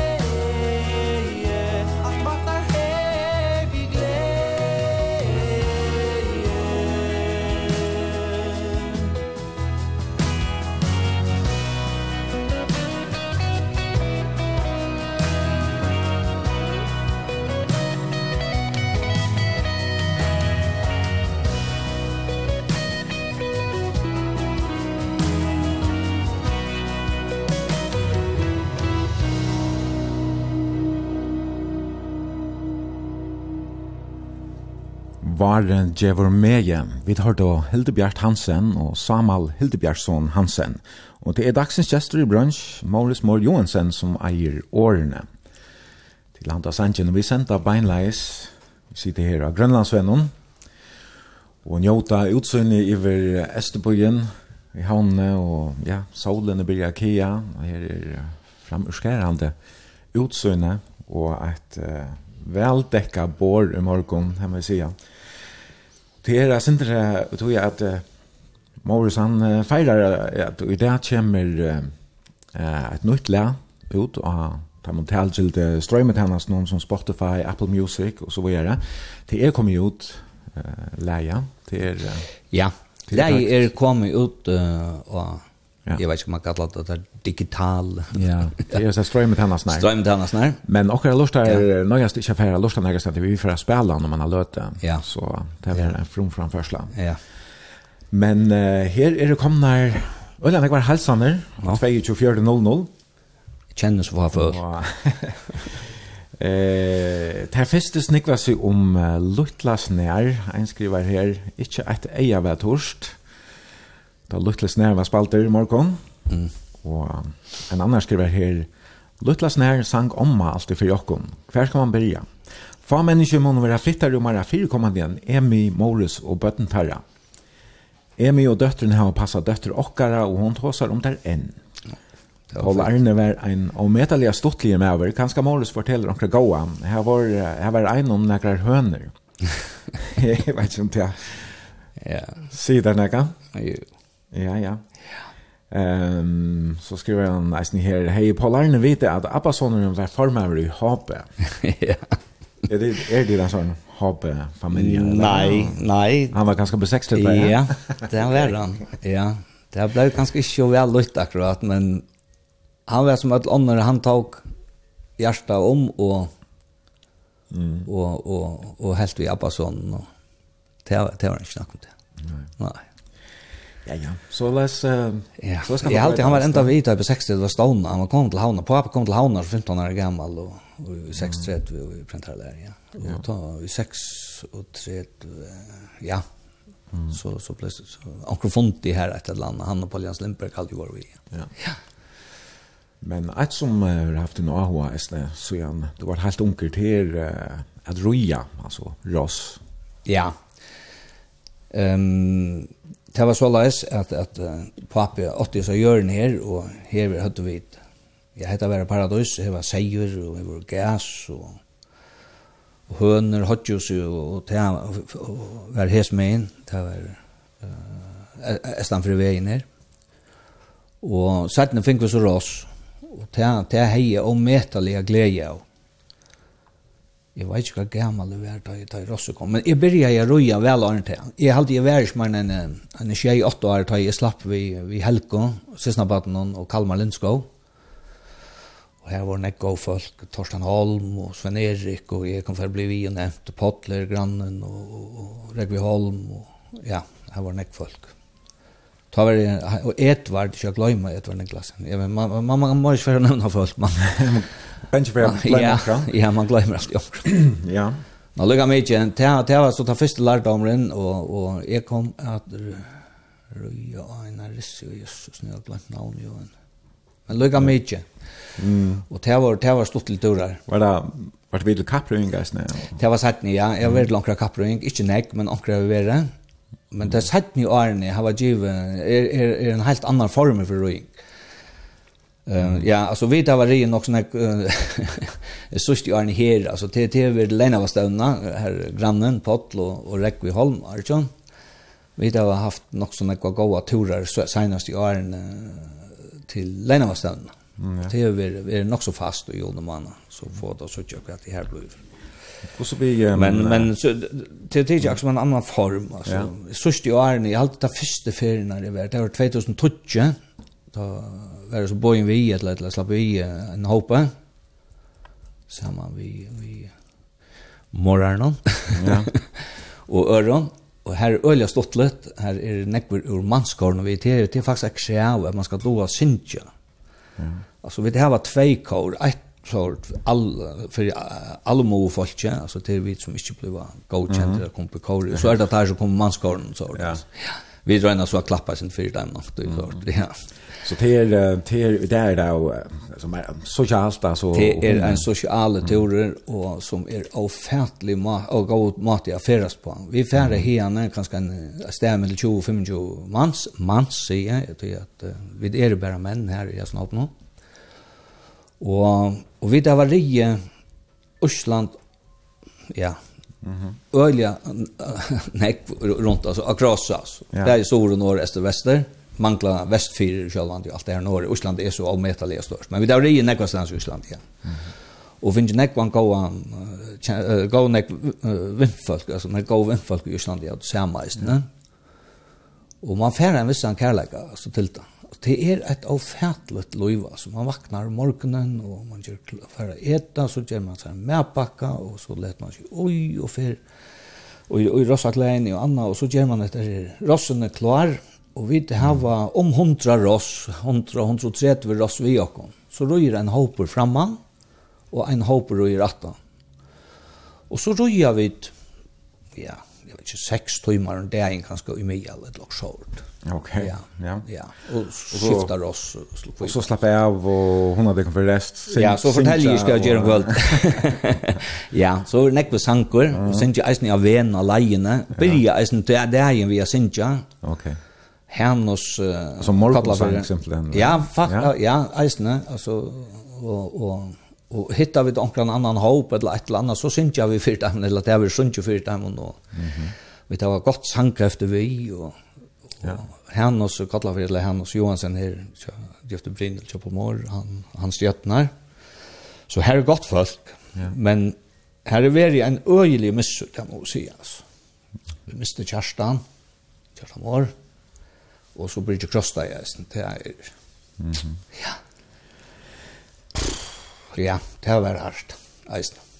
Hvordan er annars vi uh, Och idrotte där du varst yngre, har du själv spalt fotboll eller handboll eller något sånt? Nei, jeg har inte varit några idrottare med överhuvud inte. Mm. Nei, jeg vet ikke, jeg måtte ikke være en dans som ble valgt å regne skulle gå någon till kanskje tror jag. Men jeg det inte så var onkel onkel onkel vän i en grupp i Gondadella. Jo habe. Ja. Det var jo så att säga Vesterbøyen, og det har vært et hape kvarter alt som det er.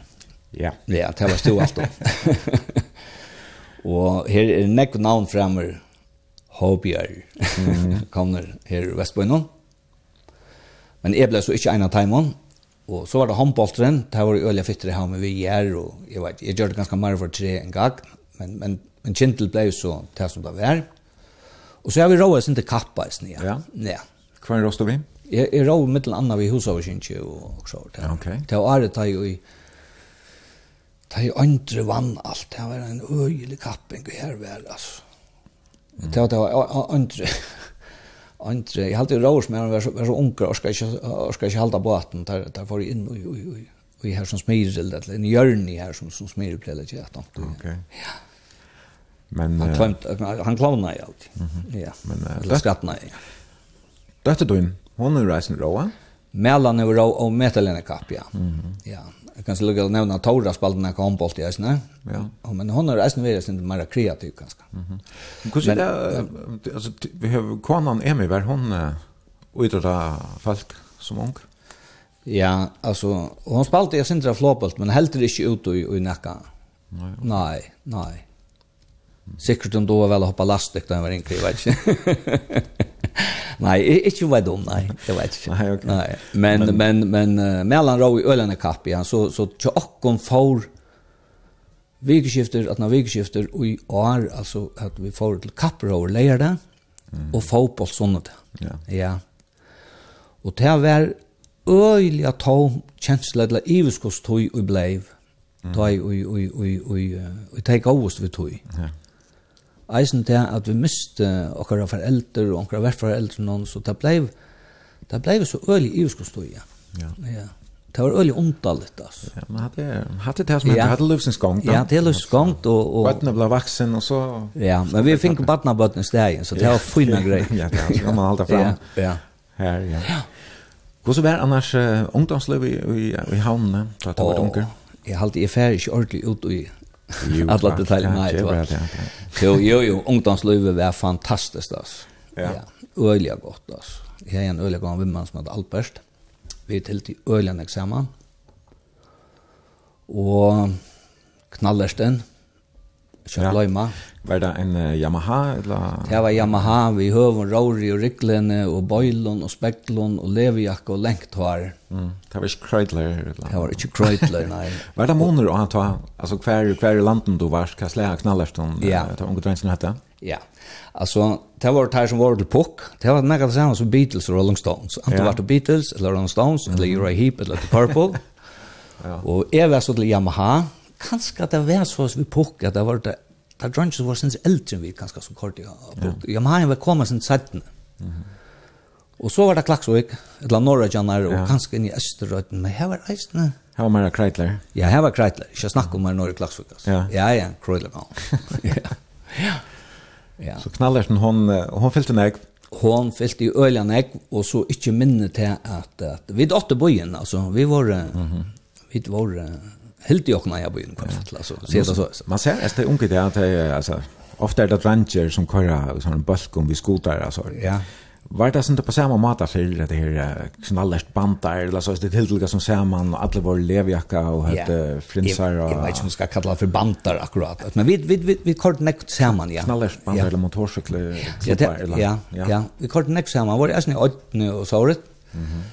Och skrappa och kom öjligvis ner tonsett och så det var øyelig stort til varda. Og Skansa stå var en middebel, ikke snakk om, Mm -hmm. Det var øyelig stort til. Her var lukka mykje hver for lite heia, som det var såles eller såles. Mm -hmm. Det ble helt i øyelig var saman her nere. Ja. ja. Var, var det åpe, så daglige, Skansa stå, hvordan var, hvordan var åpningstøyene her?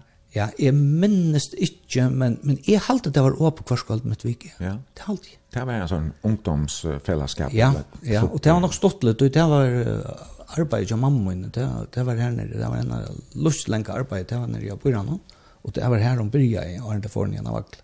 Så det var det stått å komme inn etter det her. Ja. Her hendte när var var när jag det satte i gang da jag på konserter og... og helt visst. Eh när var annet kreativt. Helt visst. altså, her var her var när og eisen til at nämnten vi var nok så jankom löll her, til de så inte og och Magni Arki og alt her, og men Schwein Thomas han alltid var reisen og... Her ble just imest, altså, her var, her var uh, de fot, fotolæra og sjånleiker og ja, imskar im, stuttlige løter, ja, mm. helt sikkert. Så var jeg eisen der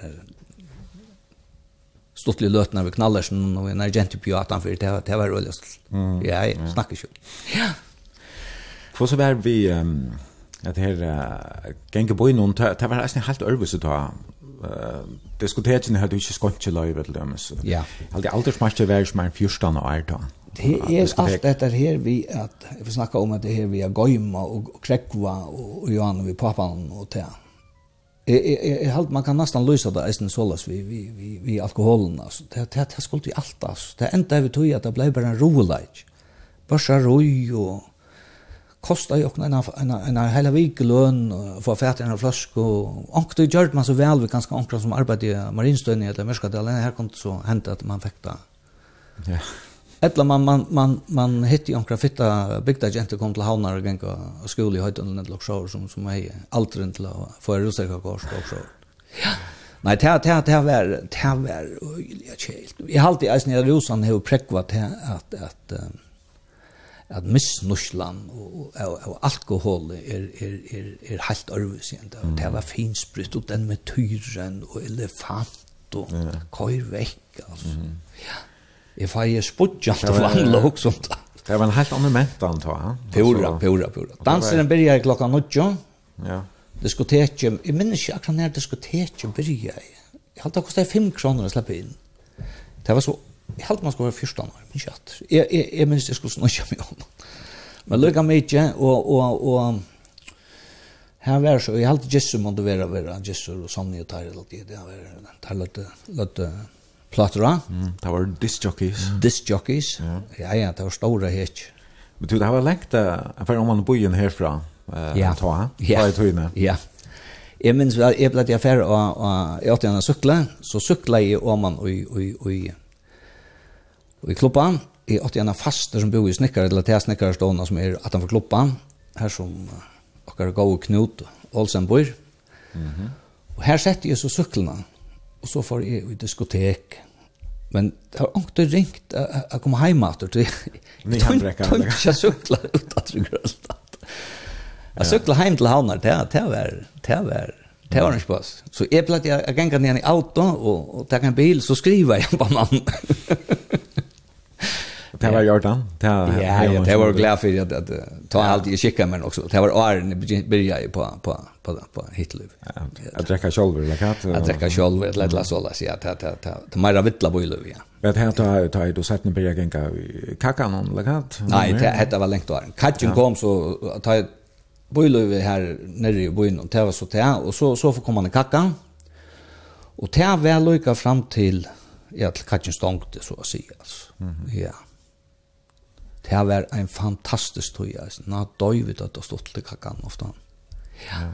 Her var, her var øyelig stått til. Nek stått til folk, Thomas Mikael Smith og Herman og Leivra Skåla. Og Jens Paul Heinsen, så ikke firma nu, han sitter framför. Ja, ja, her var, her var nek fytlig folk. Ja, det var en sånn uh, limafellesskap i. Det var en limafellesskap, ja. Du nevnte men man kan jo eisen si at det var rosene som också også vekna avliva i kakan och mimmer eller kusver så är är man inte samma tölv att att för sån lima fällskap om någon nu kunde du färre ut och en och kvar kaffe och köpa den öl ja och det det var en super det var finnas alltså mm Du hick ett efter ett ett man kan säga mentnar löven i havn det alltså det vill säga du har kaféer du tonlike du kan färra til sjónleik og hava også annat vi og altså det er det vi bæra just det betri altså. Men altså katchen er jo bliven til uh, det her. Ja, det stod i endamalsgreiningene i kakkan om at om nekker penkar lopa av eller nekker anna så skulle det letas til i halte det, det er ikke ordentlig, men jeg mener det stod i endamalsgreiningene og så skulle det letas til til også godt endamal. Mm -hmm men eh i ikke hvordan det var vi rockskapen akkurat om nakala be av det men det enda så tog jeg for förresten her en köpte i husen, ja. Ja och här är så herberge det. Her er så herberge det, og, og det er alltid öll er bare glad om alltså Altså, öll skulle leva och samfunnet er byggt så at, at ja tog verre til nog som dette ner i mitten alltså Mimer lukka i eisne.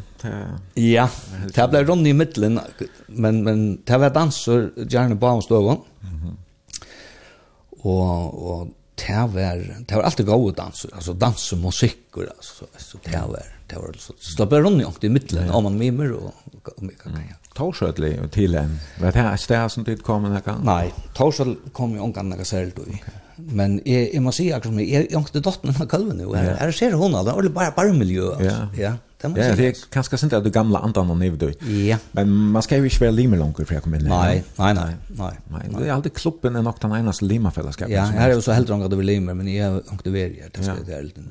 Ja. ja. Men, men, men ta Louis nere i byn och ta var ju ung, och vi ungkom, altså, ungdommer ville lägga så här och få, få en öl eller eller ett et eller annet. Så det, det var en, en, en, en, en skiten tog, sier det akkurat som det er. Ja, ja. Gott det helt skansast stå så. Ja, det var godt. Ja. Og det var godt. Ja. Och så konsertene som... Uh, Eisen godt. Du kjøper fyra. Ja. Da spalte der første Balkan, Balkan der spalte jo ofta det sier her, um, cover versioner. ja. um, tøkelø, eller man kallar det førskånd kjenda sanji til utlendskum baskona, og nekkur platt jeg spela Uriah Heep. Ja. Hilde Hildebjørst kom her som 16 år gammel, halvtid han var 16 år alltid. Og han skal spalte hvis dette er det. Ja. Jeg minns det øyelig var skanstå konsert oppe i høttelen han opp da, ja. Her var det Karl Marsten var, og er, er en utrolig sankar, og ja. Og biten der er sånn i det samme i... Ja, det var... Det var ganske Arne Hildebjørst kom i. Ja, jeg minnes det ikke. Det var akkurat. Nei, nemlig, det var nydelig Danmarskar studie, og så... Yes så helt där jag kunde inte äta chatt när det hade danska jag säger så. Det måste finnas jocken bröd det också då. Ja, det det var lucka vi ja. Ja, det var också. Det var tatt på. Spalt in ja, vi snackar ja, där det stands hall. Ja, ja, ja. Ja, ja. Jo, jo, det var det var stort lut. Ja, och vad så här så du valt den här. Ja. Sanchen. Vi har sen Här som minner om tryna. Ja. Ja. Stilen. Yep. Det er altså 2400 eller enn bedre av Facebook-synet til bransj at du kan sende en halsan, en bimerking til en spurning. Vi venter etter om et løydebil, etter Jurei Hip og sankeren Stilen.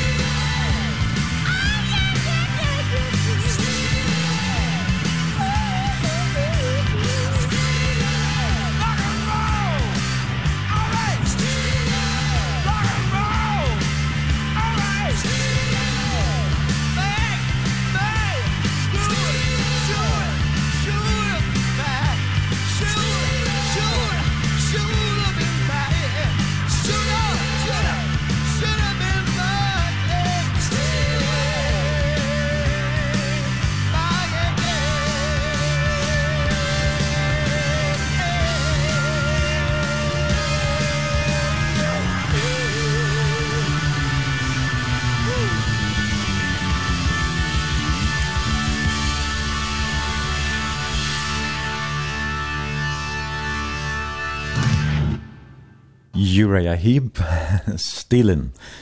Du lustar etter brunch, gestur i morgon er Morris Moore Johansen, og det er så sagt Morris som velger tonleggen, og vi sender på enleis ur stovene hjemme tja Jorun, nei tja, tja Morris og Emi, og vi sender på enleis, og du er velkommen å sende en helsan av Facebook-synet som heter brunch, et eller annet 2400, og av brunch, her skriver Jorun Davidsen. Abba, abba døtt. Abba døtt til. Ja. Jeg vil lade helsen til min Abba. Vi sitter her i Danmark og Lorstad. Jeg elsker det og gleder meg at, at vi suttjast. Mås klem fra Jorun. Og, det gleder meg eisen til. Ja. Jorun, hon hever um, tekna husan, eller kvapemyndna til Sanchen som uh, tog over ut i det, litfakre foklar. Ja. Ja Jorun hever sera gode evner å tekna, eller hon har hekna til alt. Og jeg sendte henne teksten, vi prata ganske lydde sinter om akkurat, og det var bare, jeg vet ikke, hva det er eller så, så. Så teker hon og sendte meg fem-seks mynter, og sjálv sier hun, jeg alltid heter hon, mm -hmm. og det er helt vidt ødeleisning, og hon er avmetelig flott. Jorun hever en omätelig gåan blöjant. Og hon har tekna mest vid blöjant så han alltså så han var bad og och alla hon upp efter nu hun 50 år gammel. Men nu er hun finnes jeg förrit og ein en et lærer telt i ett eller ett tält till jag vet inte. og, Mm och och är färna teckna att och är alltid at, at det är ordentligt spännande alltså den här maten eller hotteren, at, at att teckna arbete på jag vi vi vi vi liten vill bli en tekniker. Ja. Du eh hur nämnt att sända jogging sentenserna så här tonlaga utgavna som för att få hejde fölv och så inte kommer ut ett än men första läge av en kommer ut i det. Og følv heiti hei du så langt fra sånne her blænen som papaten og Oscar tar gå ut av jålen ta noen år i forverta Truschen hon holdt järs. Ja, från 1940 ja och Ja, väl så till ja. Ja, ja. Jag minns det snälla så. Ja, det var 20 år gamle, eller något sånt. Ja, det där började ja. Ja. Tar gå så jeg halte Nils Nattstad tog et iver og och gav ut en av tog, at han jeg minnes jag også, ja. Ja. Men her här kommer det utgåvan här var Trutje Sanger. Ja. Och du så just bäge tekst og, og lø, Ja. til seg her, Sanger. Ja. Og som sagt, han første, han kommer ut til det. Ja. Lidfagre fåglar. Ja. Hva kan du fortelle om den her sangen? Ja, det var så leis at um, ta, i 2014 da jeg gjør det, uh, gjør det teksten, jeg gjør det leie samme år, når jeg kan ta var en øyelig avganger av det samkjent. Mm. Tog verre, altså, som jeg skriver i her reisen, tog indagsvinner, at, at det er det enn, altså.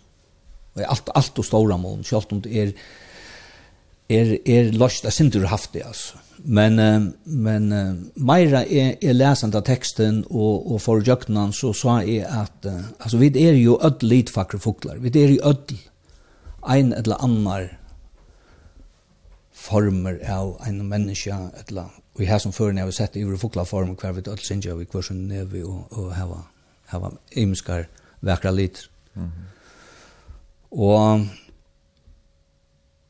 så har vi haft som öll annor och och i i i farin rockning vi eller hemmen här var vi alltid onkran inne i familjen som antingen samtjänter eller har onkra sjuk i Andreas vi eller är födde vi onkron bredje och så så är Jeg har onkran som, som er i onkran minnloda baskona. Og i minnloda bøkkene, ja, akkurat, akkurat. Ja. Og, og ødels falskjen liva har det gått, ongene deier, og de er ofte öll hava också av joa Og Och här är en öliga gåan vimman av tvörare som heter Gunnar Holm. Han är Down syndrom.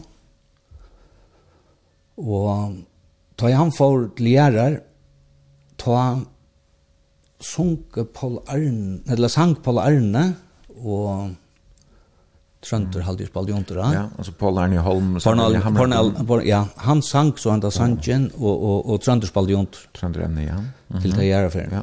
Ta hoksa i beinavein att hästen sanken är er uppåt. Det ta fick då ordligt ordligt. Präck att att. Och så här vi eisne okkara fitt i Ellen Løtjen, som er døtt sysna på några. Karo og Abraham.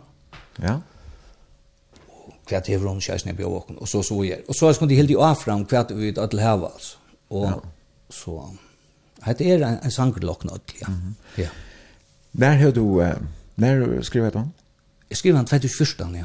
Ja, okej. Ja. Var det, altså, det var det, det her, kan kan man det som er fyrt da? Jeg minnes det ikke reilig at det var denne, minnes det ikke. Men det var, ja, ja. det var i samband med, det var agenter mot LGBT. Ja, det var alt, alt, Rasmus og alt det her, og jeg minnes ikke når det var, altså.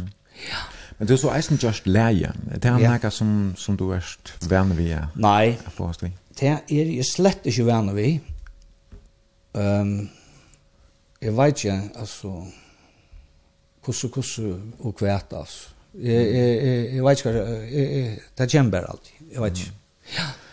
Ja, halte har det. Du har ju bara klaver och en fem gitarrer här så. Ja, ja. Jag kan ju för den Jeg vil vill det feg inte ha bättre än nåt där alltså så men men men Men tog beter, altså, jeg, jeg, jeg, jeg har jo haft øyelig gode smier altså,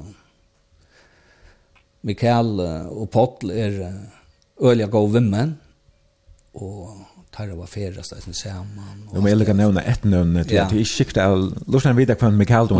Det är som Mikael Black. Mikael Black ja. Som är tonläggare och framläggare. Ja.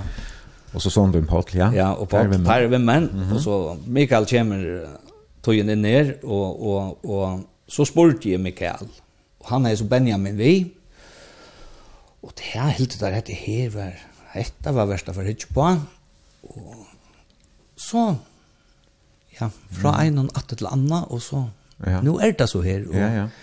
Jeg har vært øyelig spent, og jeg har unga de atle det. Det er som som jeg var porre under, at, at mors, nå måste du fære, og du skal alt gjøre, og alt dette der. Jeg har eisen gjørst iskinger ganske ui øren form, Mm. Det är jo i, i, i nye skuff. Ja. Ja, men ta vi um, ta vi hittes det joy. Ta spalte du vet en sangfirma att lavera någon en som som inte är hes utgåvan alltså men en en som du rist. Möllus, möllus avvis. Ja, ja, ja, så her er det. Här är uh, flere sanger som uh, ja, har möjlighet för så ikke dagsens shows på et eller annet tidspunkt. Ja, ja. Men nu er det så Så jag heter er så är för att du har vidlat ju en sang, ut och här så för är det så til som har gjort bäj och län senast var det Hildebjörst som jag sen län till gjort tekstene. Jeg har ju vært öliga tacksamma om om, om Hildebjörst var vi men jeg har också haft öliga goda smier och gott folk att meg, Mhm. Och Benjamin är en en öliga donalig gitarrist och jeg ska si akkurat som är att Hildebjörst snackar en näck om Benjamin ja. som gitarrist. Så mm. Ja, just. Ja.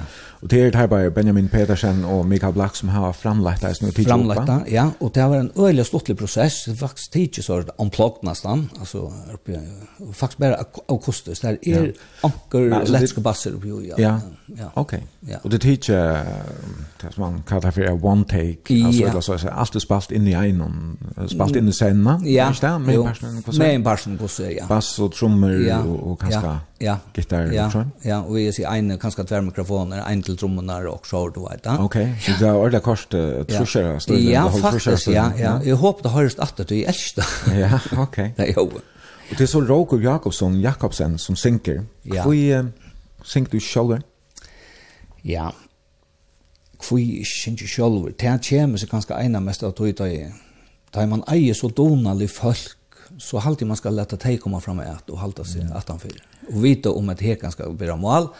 Ja.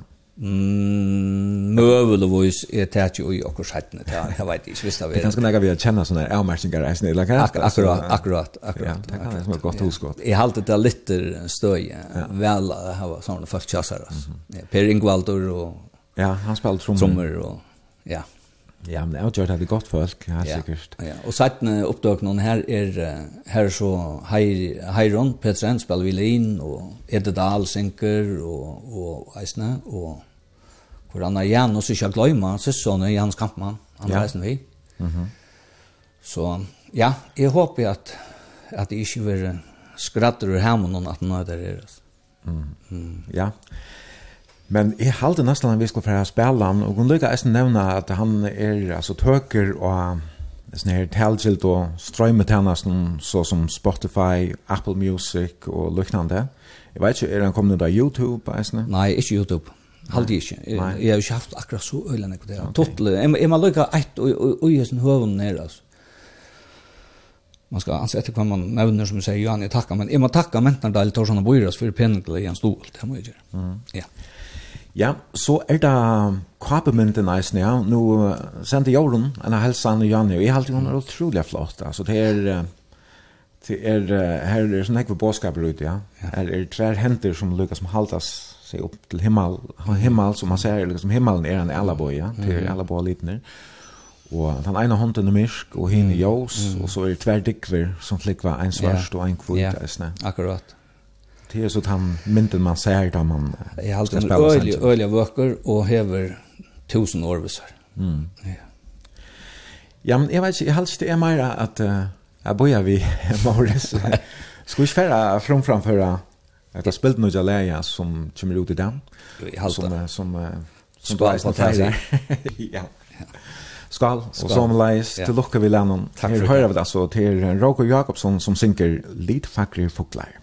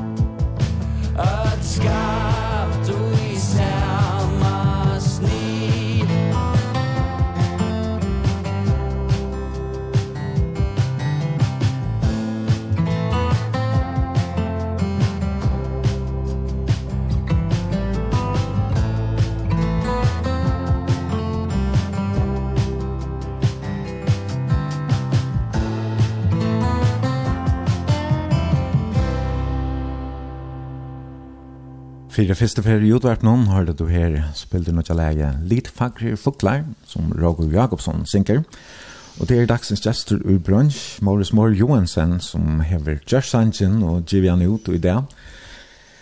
Fra alle sanker, Morris her er kommet nekvar vimarsingar, halsaner og, og anna Gott yes. og sms-kibane og Facebook. Mm -hmm. Og det er altså den første av Trimon Sankon som fer komme ut kommande til tøyina. Veist du yeah. å si om nær hinner? kom. Ja, det var i mars måned. Jeg halte det var ut mot, jeg halte 16. mars, og så har vi valgt den sørste sannsyn å lete han ut 19. mai. Det var føringer der, ikke Hildebjørst. Ok. Ja.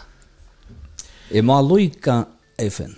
Jeg har glemt at jeg har nevnt så jeg og vært rundt om. Men det er det svarte huset nyan, for jeg må lykke til hva det vi, altså. Ja. Det er ett hus som jag har haft av metalen när jag tog i. Det gamla lyckliga huset här nere. Gamla huset här som heter ja. Michael Grönland. Mm -hmm. Allt det fölksen här, Dinna, Eiler, Michael Kjolvan, gamla.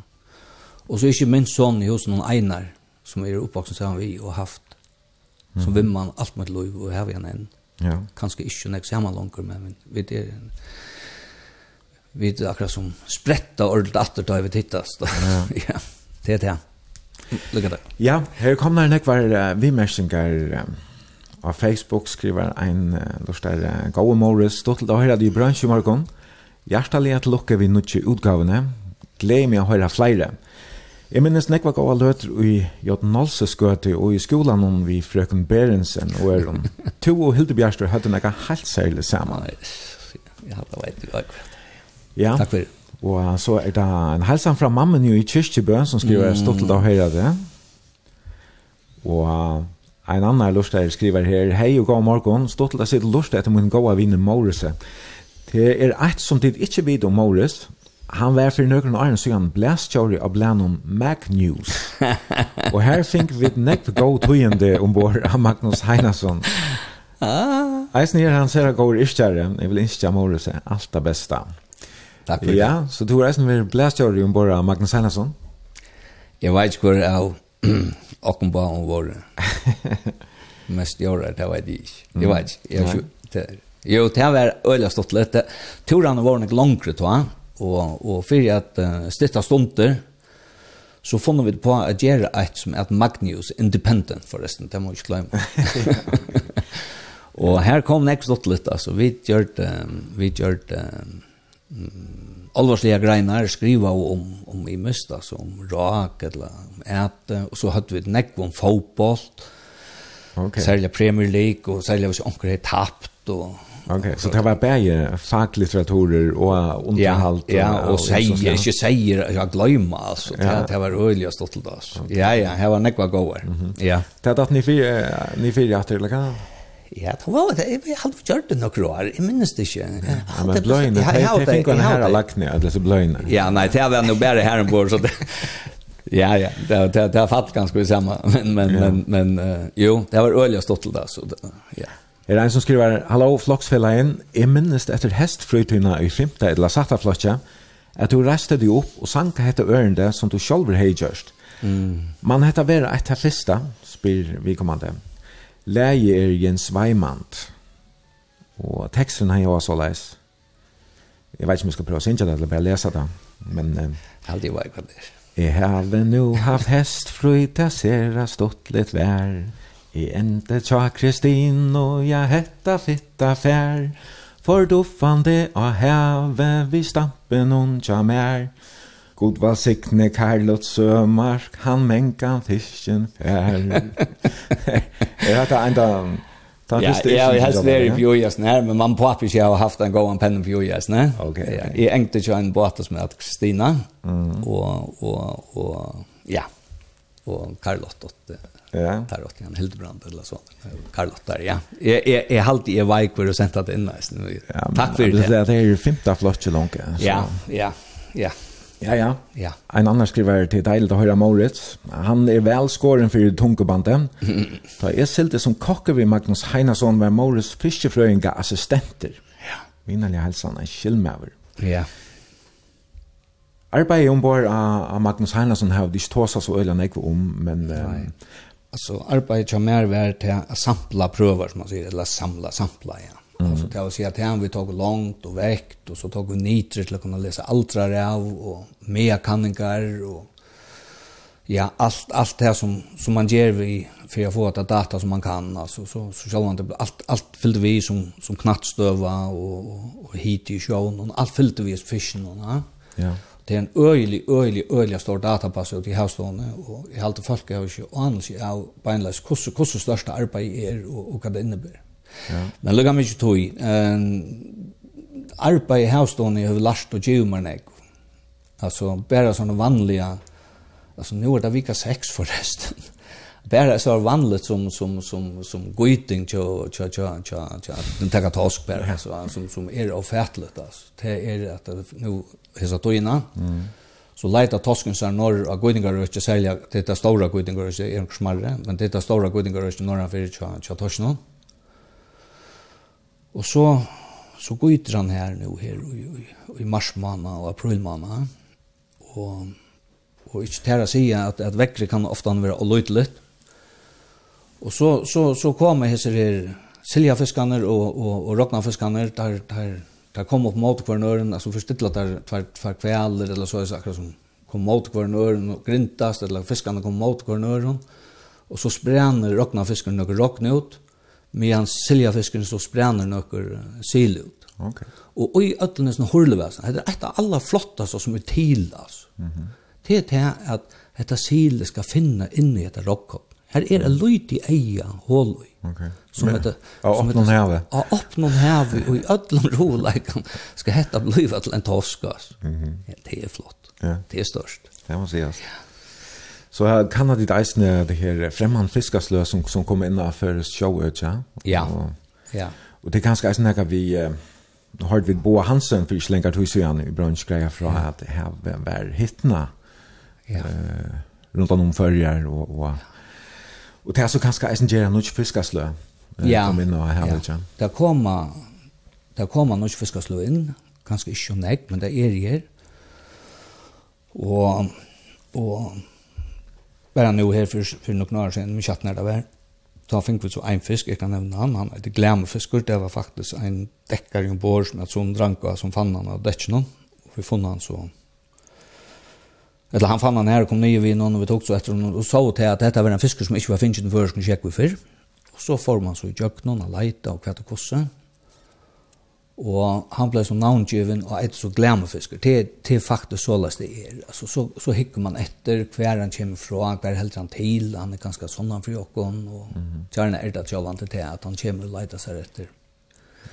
Kaldare kjekve faktisk. Nå, ja. ja. Mm -hmm. Det blir hett sånn han for, og det blir eisen hett jokken, men nå kjenner det ganske. Vi så ikke at det eisen jo av øren fiskersløvene, så vi har haft en høkkeslokk av Færjabanken som heter Lolika, han er medhøkslokker. Han er faktisk bare veri av Færjabanken Men han er kommet vars om og er ferdig om alle langdronen, og det blir vi heit. Og da ser man vi en noen øren fiske som eiter, eiter tjafsvart konkafiskereisene. Han er bare veri av finche, av finche ute av, av djupere vattnet, kaldere kjekk vi sår, men han er eisen kommer inn etter og, og fastmarer rundt altså. Det er som de aller fleste nok hugsat her, ja, det er funnet at, at det kommer flere fiskeslø, bare at de har livet av nekvar i sjukvervan. Ja. Ehm det är ju om det är snäga som det kan.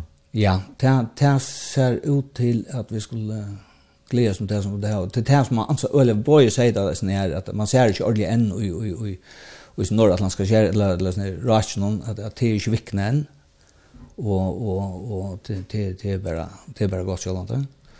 Men ehm de fiskasløyene, de, de, de er akkurat som, som vit og, og ånder, altså mangler det føye, så leiter det sjølvan til, eller hvis det blir for heit, så måtte det stenge av sikkert, altså. Men, men annars er torsken øl i egen fyrjen, altså. Han, altså, teker vi torsken ut fra merskingen som vi det var gjørst, så, så, nu ska jag säga bara en till allt som är en vi mer eller öron och just ner men men är så tjata självor att att um, att ta vid mest av fisk vi tar mest om allt 3000 tusen toskar i min chatter og, og vi teker uh, langt av dem og vekt, og så teker vi knattstøvene her som det vi släppte ut att resten. Och det var ju alltså tar det allar allar flesta får komma att det samma ställe. Men ta det över svänker ta en ut att det manglar fröj. Ta att leta sig in efter. Mhm. Och och är fingrar helt inne vid kajerna runt om och te te skott. Det var ju så att att, att självande så flyter fisken så alltså tar i svångt ner. Ja. Men ja. han vil ikke affæra ut om, altså. Det at, vi da, jeg har alle sånne trusht hos fisken, eller hva det er, jeg har finnet, jeg vet ikke hva det er, tudje atter alt, ja? Utanfor. Og det ser han. Og tek da en torsk i fargen, så, så, så bonas han ett år, åren, åren torsken til dem, som tar noen maken til, det er så mye heit. Han vekser til å skjøter, ja. Så han er fyra år gammal, og er det sånn, så er han fem-seks år, og han bonas Ja. Klar, ja. Men um, nu arbeider du så ikke av Havstående. Vi løtene. Du første farløy ved 1. januar. Ja. Og du hever så eisen sammen vi gjør en starvstova i Nova. Ja, vi har en, en starvstova i Nova. Ja, -hmm. Vi tvann Uljad Nonali mannen. Så her arbeider du av Sinter? Ja, her arbeider vi vi uh, løser fisk og kjøkken til å selge alle fisk. Mm -hmm. Det er for det som kallar å få inn i malen nematoter eller sammak. Og det er så, sånne verer som man ikke ser ved berene i. Mm, smaverer. Smaverer, ja. ja og og Parasite som det kallar. Mm. Og, er det fotla fotla tøy til arbeid ved tøy eller hva sånn? Ja, det er faktisk det som jeg gjør i det. No, du, får men men det, det, det er ikke kvann det. Altså. Nei, okay. nei, nei, verre så. Mm -hmm. Og, og, og her er det en som er Daniel Peter Høygaard, min gode vinner som jeg slapp inn av Stora Verskatland sammen vi, og i FBCA, tog han nægget sammen med Horizon 2020. Og her mente jeg til en, en gamla Jeg mente vi en gamla, en gamla metode fra Holtrusjonen om til det ene det. Mm Så det är så krabba man själva som ovilja och så så som vi har packat in och gjort denna såna skipan kvar man kvar man ger det som en röntgen alla då. Ja. Ja. Ja, spännande. Här och här är och vi var nekva tagast vi. Ja, ja, det är öliga spännande. Stort miljö. Ja. Alltså med dicha tås om som då eisen fast vi till du är mätingar med över. Alltså du är nekva vi mätingar med över där grind i havn. Ja. Eh och jag syns vi vill jag tänker på snacka om springar eller av och Det av vi det. Nej. Men det är så är ett annat som då fast vi och det görs då igen. Ja, det gör igen och och det koms av tog att Abbi är med Gunnar Jonas, han var jag vet inte om han var grundare för mig resan det är långt från och och med tänka mig över och där ser man är med Gunnar Paul. Mm. Och och så andades Paul, og så skulle det færa vujar ångstans. Og angen hei ahua, så em er jeg så flere for vi Paul til, til meti, a, meta og sånt. Og så spurte är mig og är mig tok, ja, så nu er jeg skriver, en meg sender meg om. ja, Ja, her er det utrolig nekvar helsaner og vimersingar av Facebook. Tusen personer til å lese atlar samlar 18 sendingsna. Mm. Jeg får bare stunder at jeg kan nekvar få her er ein som spyr, er det EMI Records som gjør Sanjin Chamorris ut? Mm -hmm. EMI.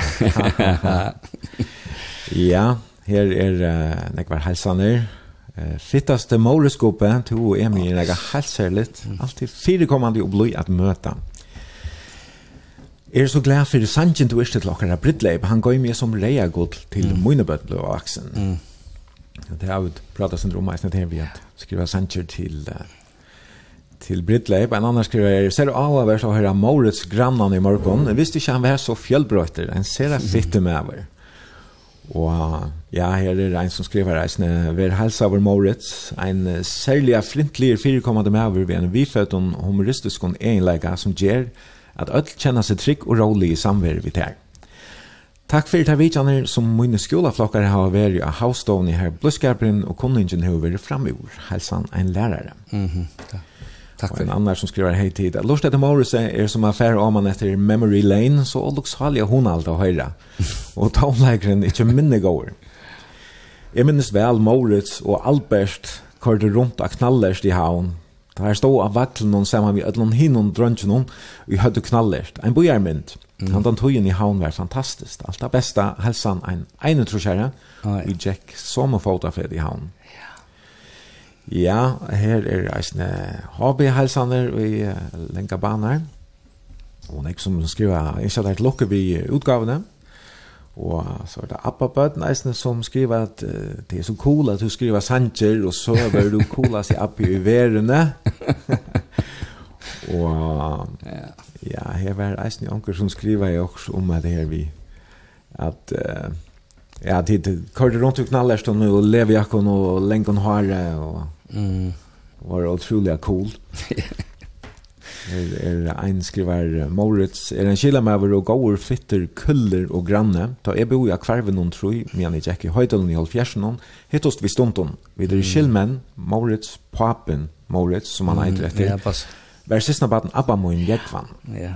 og så har han sendt en mynd som han uh, tog jag där showman där en 2019 och lägger på Facebook. Och han blev sån förnärmare till att mynten att här fick flera likes en skolt uppslag till honom. ja, ja. Här är det nekvar hälsaner och ja, jag får inte stund till att läsa flera till mig. Ja, läsa där alla rättan år.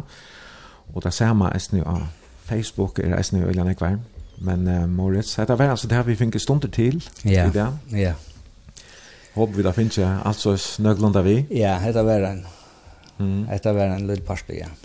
Men stått litt, og hun har litt, even. Mm, ja. To er uh, en fin verste, kjærst meg så rolig han er, og så det er... Ja, jeg vet ikke om det er et eller annet, det var en gammeldansk flaskan. Ja, det er så det, Men du har haft en nekka feire det, så, ja. og vi er hjemme til her, til, til tog. Nu får jeg bjøve grannen inn til... Tog og, ja. Til en Ja, bolla, til en bolla.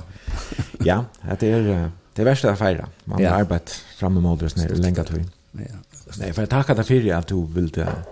Vi är just där som vi så stått om skottbraj, som jag började jag fortälja i början när jag sände inte.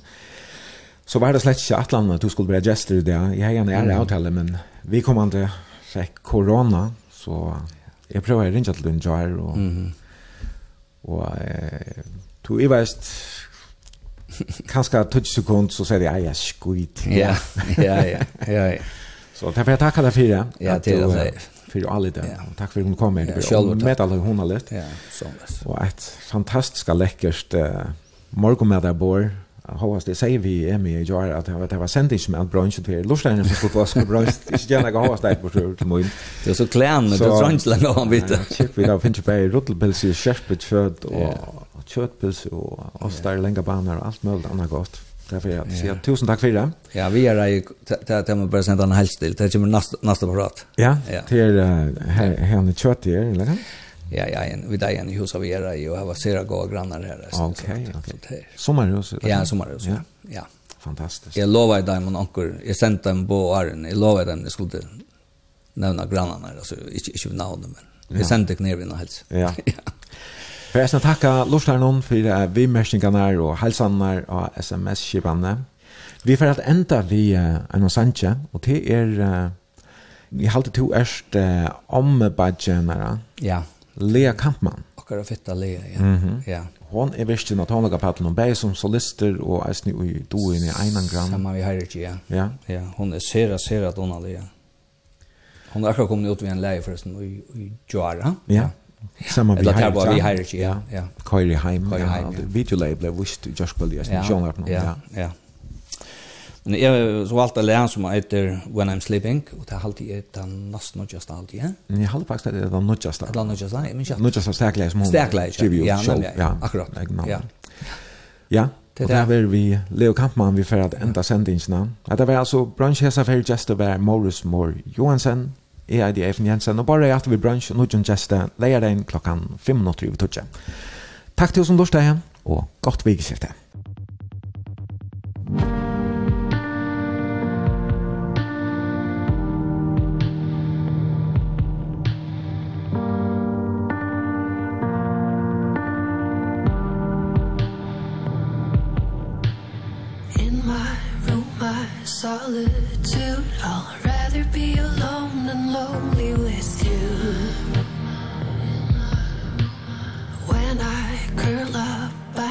myself I get a tickling feeling within my bones When I look in the mirror I can't hide it. When I look in the mirror I can't hide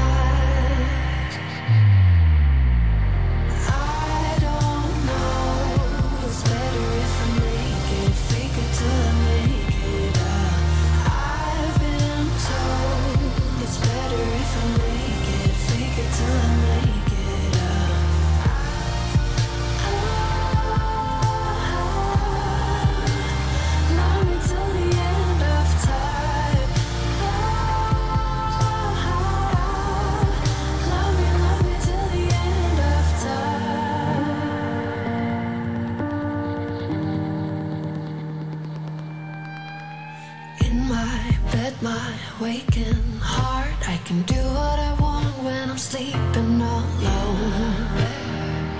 When I look in the mirror There's no hiding. Now I see clearer. No denying.